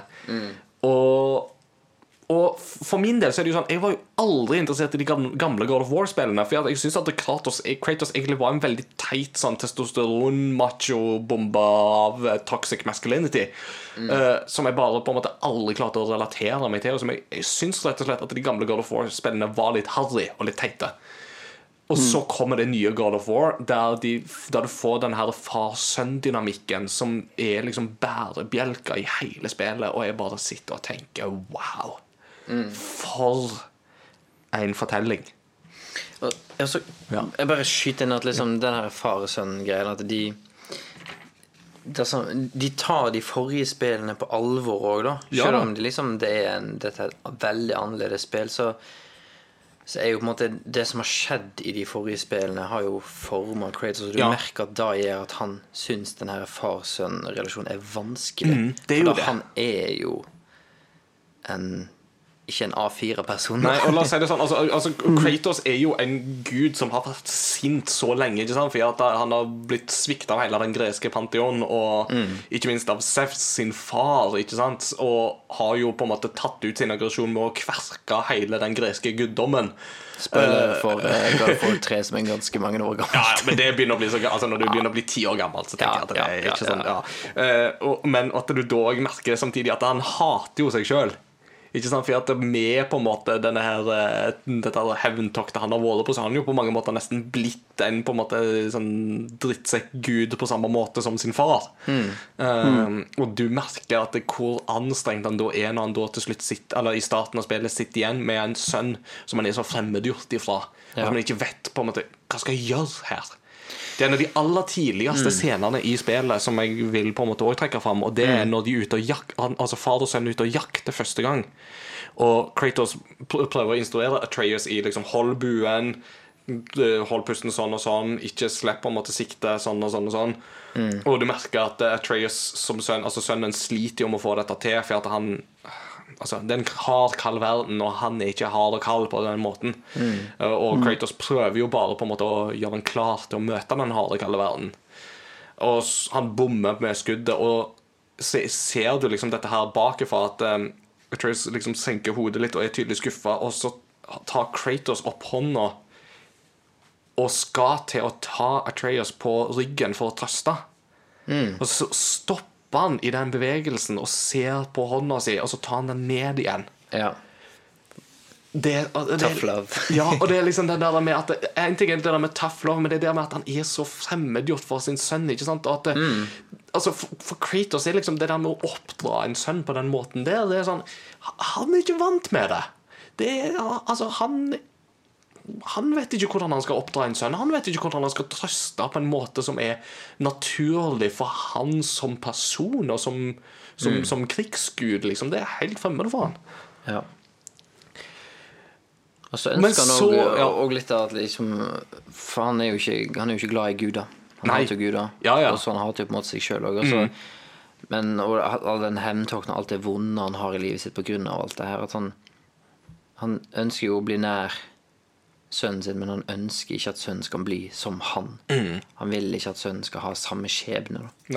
Så det er veldig sånn her uh, Det er masse dynamikk der som Ja. er så gøy. Og igjen, og karakterutvikling nevnte vi på Red Dead, men det er jo viktig her òg. Og greia er at helt fram til helga så var God of War på min førsteplass. Ja. Men så har jeg spilt noe i helga som tok meg tre timer å spille. Jeg spilte det i én setting. Og med en gang jeg var ferdig med det, så visste jeg at dette er mitt Game of the Year. Oi, kult. Helt uten diskusjon. Og det er Gris. Eller Gree. Grey, eller eller Hva- hva- altså, la oss kalle det Gris. For Ja. enkelhets skyld. Det er Gris. Er mitt Game of the Year. Det er òg et spill som er kjempevanskelig å snakke om uten å spoile altfor masse, men Gris, som jo da er hovedrolleinnehaveren i spillet, har Dette er et spill som fortelles helt uten ord. Det fins ikke ett skrevet ord i det spillet, med to unntak, og det er når du lærer deg et par nye mm, eh, Altså du lærer deg et par nye moves i løpet av spillets gang, og da står det bare 'hold', 'be', 'hold', 'a'. for den og den bevegelsen, men that's it, liksom. Utover det så er det ingen skrevne ord i det spillet. Men hovedrollepersonen har tydeligvis gått gjennom noe veldig traumatisk, veldig sorgfullt og tungt i livet sitt. Ganske nylig. Og så må du på en måte spille gjennom på en måte hennes reise. Ut ifra det. Sorgprosess, på en måte? Eller? Ja, altså Jeg skal ikke spoile så mange Nei, ting, nei, og nei, men sånne det ting høres- liksom ikke sånn, men det er på en måte Altså dette er et veldig sånn kunstnerisk spill. Det og ser og, nydelig ut, Altså. Hele spillet er håndmalt. Det er ikke bare håndtegna, det er håndmalt. Mm. Og det er noe med hvordan fargepaletter brukes, og farger veves inn i spillet gjennom på en måte prosessen som du går gjennom. Kombinert med musikken, kombinert med den underliggende tematikken som du sakte, men sikkert resonnerer deg fram til. Som du bare sånn, igjen, Dette er et spill som fortelles helt uten ord, og allikevel så sier det så fantastisk masse. Og hvis jeg skal på en måte oppsummere dette spillet veldig kort, så vil jeg si at det er som om Journey det gamle, altså Det er som om PlayStation 3-spillet Journey møter Pixar-filmen Inside Out Ja. på mange måter. For Inside Out er jo en, en film om følelser. Ikke sant? Altså, ja. Eh, og på en måte så vil jeg nok vil jeg på en måte kanskje altså, Det er nok en litt mer alvorlig variant av enn Inside Out er, men jeg syns likevel at eh, I think the example still stands. Eh, det er Og for min del så er det litt sånn at dette er spillet som nå, for min del, feller Journey fra tronen av den der 'kan spill være kunst'? Eh, altså, når man har denne diskusjonen 'kan spill være kunst', eh, så har man ofte liksom sagt 'ja, se på Journey', for eksempel. Og det har jo vært helt på sin plass. Men fra nå av så er Gris mitt go to-spill for å vise at ja, spill er så definitivt kunst. Og da ikke bare på en måte fortellerkunst, og sånt, men òg estetisk kunst og musikkunst og Ja, altså på alle plan. Det er, er sånn, jeg, jeg sitter bare nå og forteller om det, så kjenner jeg at det fittegrisen med det spillet der, det gikk inn på meg. Jeg ble så rørt av det spillet òg. Og det er, som sagt, det tar deg tre timer å spille gjennom. Kanskje fire. Det er veldig enkelt. Det er liksom det største ankepunktet med det spillet. Det er litt lett. Um, men det er så verdt det. Og det er tilgjengelig på Switch, og det er tilgjengelig på PC og Mac. ja. Jeg vet ikke om det kommer på PlayStation 4 og Xbox One etter hvert, men det er i alle fall tilgjengelig på de eh, plattformene. Jeg spilte det på Switch. Koster 165 kroner, tror jeg det koster. Og det er Det kom ut nå på torsdag forrige, forrige uke, og Men det er d- d- Du skal unne deg sjøl å spille Gris. Etter mitt perspektiv. Jeg girer på deg nå. Jeg ta deg tre timer når du har det. Bare sett av liksom tre-fire timer. Og bare sånn, Nå skal jeg bare spille det. Og spill det gjerne i én sitting, hvis du, hvis Ja. du kan. Og for meg så er det den soleklare Game of the Year i 2018, og det eneste spillet i år som jeg faktisk gir ti av ti. For selv God of War har vært på ni av ti for min del, fordi at det er fortsatt litt noen ting i God of War som på en måte er det sånn at det pusher ikke liksom Altså Det pusha en del tekniske grenser og en del sånne fortellertekniske grenser, og sånne ting, men fortsatt er det en del gameplay-messige ting som fortsatt er litt sånn Men dette er likevel litt kjent og vant til, og liksom bryter ikke helt det Agree to disagree. um, så, men altså, fortsatt, altså, alle disse spillene er kjempegode, og det var så nært at God of War ble mitt Game of the Year 2018 òg, altså. Men Ja. Chris må ta den prisen hos meg. Kult. Uh, kjapt eh, spørsmål. Ja.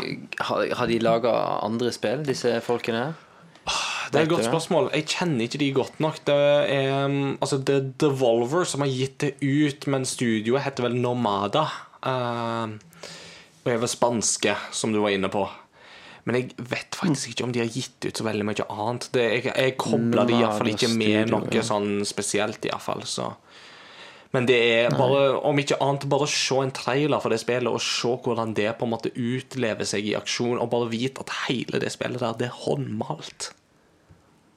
Og med alt det det innebærer. På samme Gris is måte, the ja. first game by Namada Studio. Og på samme måte som at Cuphead i fjor var håndtegna, alle animasjonene i Cuphead var håndtegna, så er det her da håndmalt. Så det er utrolig hva de får til. Så kult også at det Digg at det er, sånn, det er en sånn ærlig prislapp på det, da. For det, Mm. det har sikkert tatt lang tid å, å lage, men at det er en sånn kort narrativ, tre timers opplevelse, så Mm. selger de det ikke for 4,90, men eh, Og som sagt, altså, for meg så er dette det nye Journey. Uten tvil. ja. Kult. Så ja. Så det Nice. var da tre vidt forskjellige spill på Game of the Year-tronen. Så spørsmålet er, karer, blir vi enige om en eh, Crossover Gamings Game of the Year 2018? Har vi et spill som er på alle tre sin liste? Nei. Nei. Nei, det har vi faktisk ikke. Nei, vi har jo, jeg og du, Inga, har jo flere spill som er på samme lista. Det er riktig. Eller vi har flere like spill på listene våre. Eh, Og jeg har ikke et problem med å si at God of War kan være podkastens Game of the Year 2018. nei, for hvis vi skal kjøre statistikk, så har det høyest gjennomsnittsscore i, i eh, hos, Nei, men ikke hos oss. Ja. Med tanke på vår eh, liste, Ja, det er sant. så mm. er det det som gjennomsnittlig Nå har jo ligger ikke du spilt det, Mats Jakob, men uh, hva, sier, hva har du å gi? Nei jeg, tro, jeg tror det eneste spillet som er på en liste som alle har spilt, er Octopath. Ja. Men det blir jo litt teit å sette det som Da er det Octopath Travelers! Year. Eh, Nei da, men det er greit for meg, siden dere er mer eh, up to date på eh, current spill. Så er det greit for meg at det er God of War som er ja. spillet. Jeg har jo sagt Boy 100 ganger i den podkasten allerede, så Du er jo God of War i virkeligheten, da. Uh, ditt skjegg, ja, ja. to, to gutter. Ja, Og altså, beste skjegg 2018 må jo være Kratos by far. Ja, jeg må bare En kjapp sånn der eh, technical eh, fun fact der. Du har jo forskjellige sånn eh, program som kan hjelpe spillutviklere med å utvikle forskjellige ting. Du har Speedtree, som er et program som hjelper deg å lage skog kjapt. Eh, og samme for bygninger. Og så har du òg sånne program som hjelper deg å lage- som å lage hår og skjegg. Som du kan bruke i forskjellige spillmotorer. da eh, Men de klarte ikke å få det der skjegget til Creator sånn som de ville ha det. Så de endte opp med å bygge skjegget hans hårstrå for hårstrå. Bare sånn sitte sånn og bare Sånn, nei, for da, da må vi so så langt, og skal få den og den formen, og da, da må oppføre seg sånn og sånn i vinden. så det, den fortjener de, altså. Definitivt Beard of the Year. Så der har dere det. God of War vinner da Christians Game of the Year. Det vinner podkastens Game of the Year, og det vinner podkastens Beard of the Year. Yes. Og så har vi en runner-up for Game of the Year, Fallout 76. Og med det så har vi konstatert at Christian har bikka ei grense der han ikke lenger klarer å skille fiksjon fra fakta. Woohoo! Jeg er overtrøtt. Ja. Nå, folkens, dette er nok blitt den lengste episoden vi har laga, men det er jo sånn det gjerne blir med en oppsummeringsepisode på slutten av året. Over. Ja, men det blir nok en sånn to timer og 40 minutter Ja, til slutt. men her, det tror jeg dere tåler i juleferien. Og jeg Ja håper og tror dere har hatt det gøy. Vi har iallfall hatt det knallgøy med Veldig denne lista kjekt. Her. yes. Men, eh, og med det så har jo da vår høymesse kommet til veis ende. Vi skal kun eh, introdusere et lite postludium som normalt. Og siden det er jul, så må vi ta noe litt sånn julete. Og i siste episode så snakket vi jo litt om eh, dette med jul og spill og, og sånne ting. Og da var vi inne på Banjo Kazooie-verdenen Freezy Peak. Eh, og denne gangen tenkte vi da at vi skulle spille musikken derifra av Grant Kirkhope. eh, som da blir dagens postludium. Yeah. Med det så er det ikke så veldig mye mer å si. Nå har vi prata hull i hodet på dere lenge nok, så nå må dere gå og skype med Kabul og gå prestebukk og mobbe barn som går til logoped. Nei, ikke mobb han. Det er slemt. Men uh, les gjerne høyt fra Wikileaks. Det, det kan du gjøre. Og vi ønsker dere en fredelig og god julehøytid. Ta godt vare på de rundt dere, og nyt høytidsdagene så godt dere bare kan. Det regner jeg med dere har fortjent. Har dere noen, eh, noen julespill eh, Sitter dere og spiller et kult julespill som du har lyst til å dele med omverdenen, så sleng gjerne inn et bilde, en, et klipp eller en kommentar på Facebook-sida. Mm. Så uh, vil vi gjerne delta i dekans uh, julegaming òg. Absolutt. Med det så takker vi for oss for i kveld. Vi snakkes ved neste korsvei. God jul! Ho, ho, ho. Boy, boy, boy.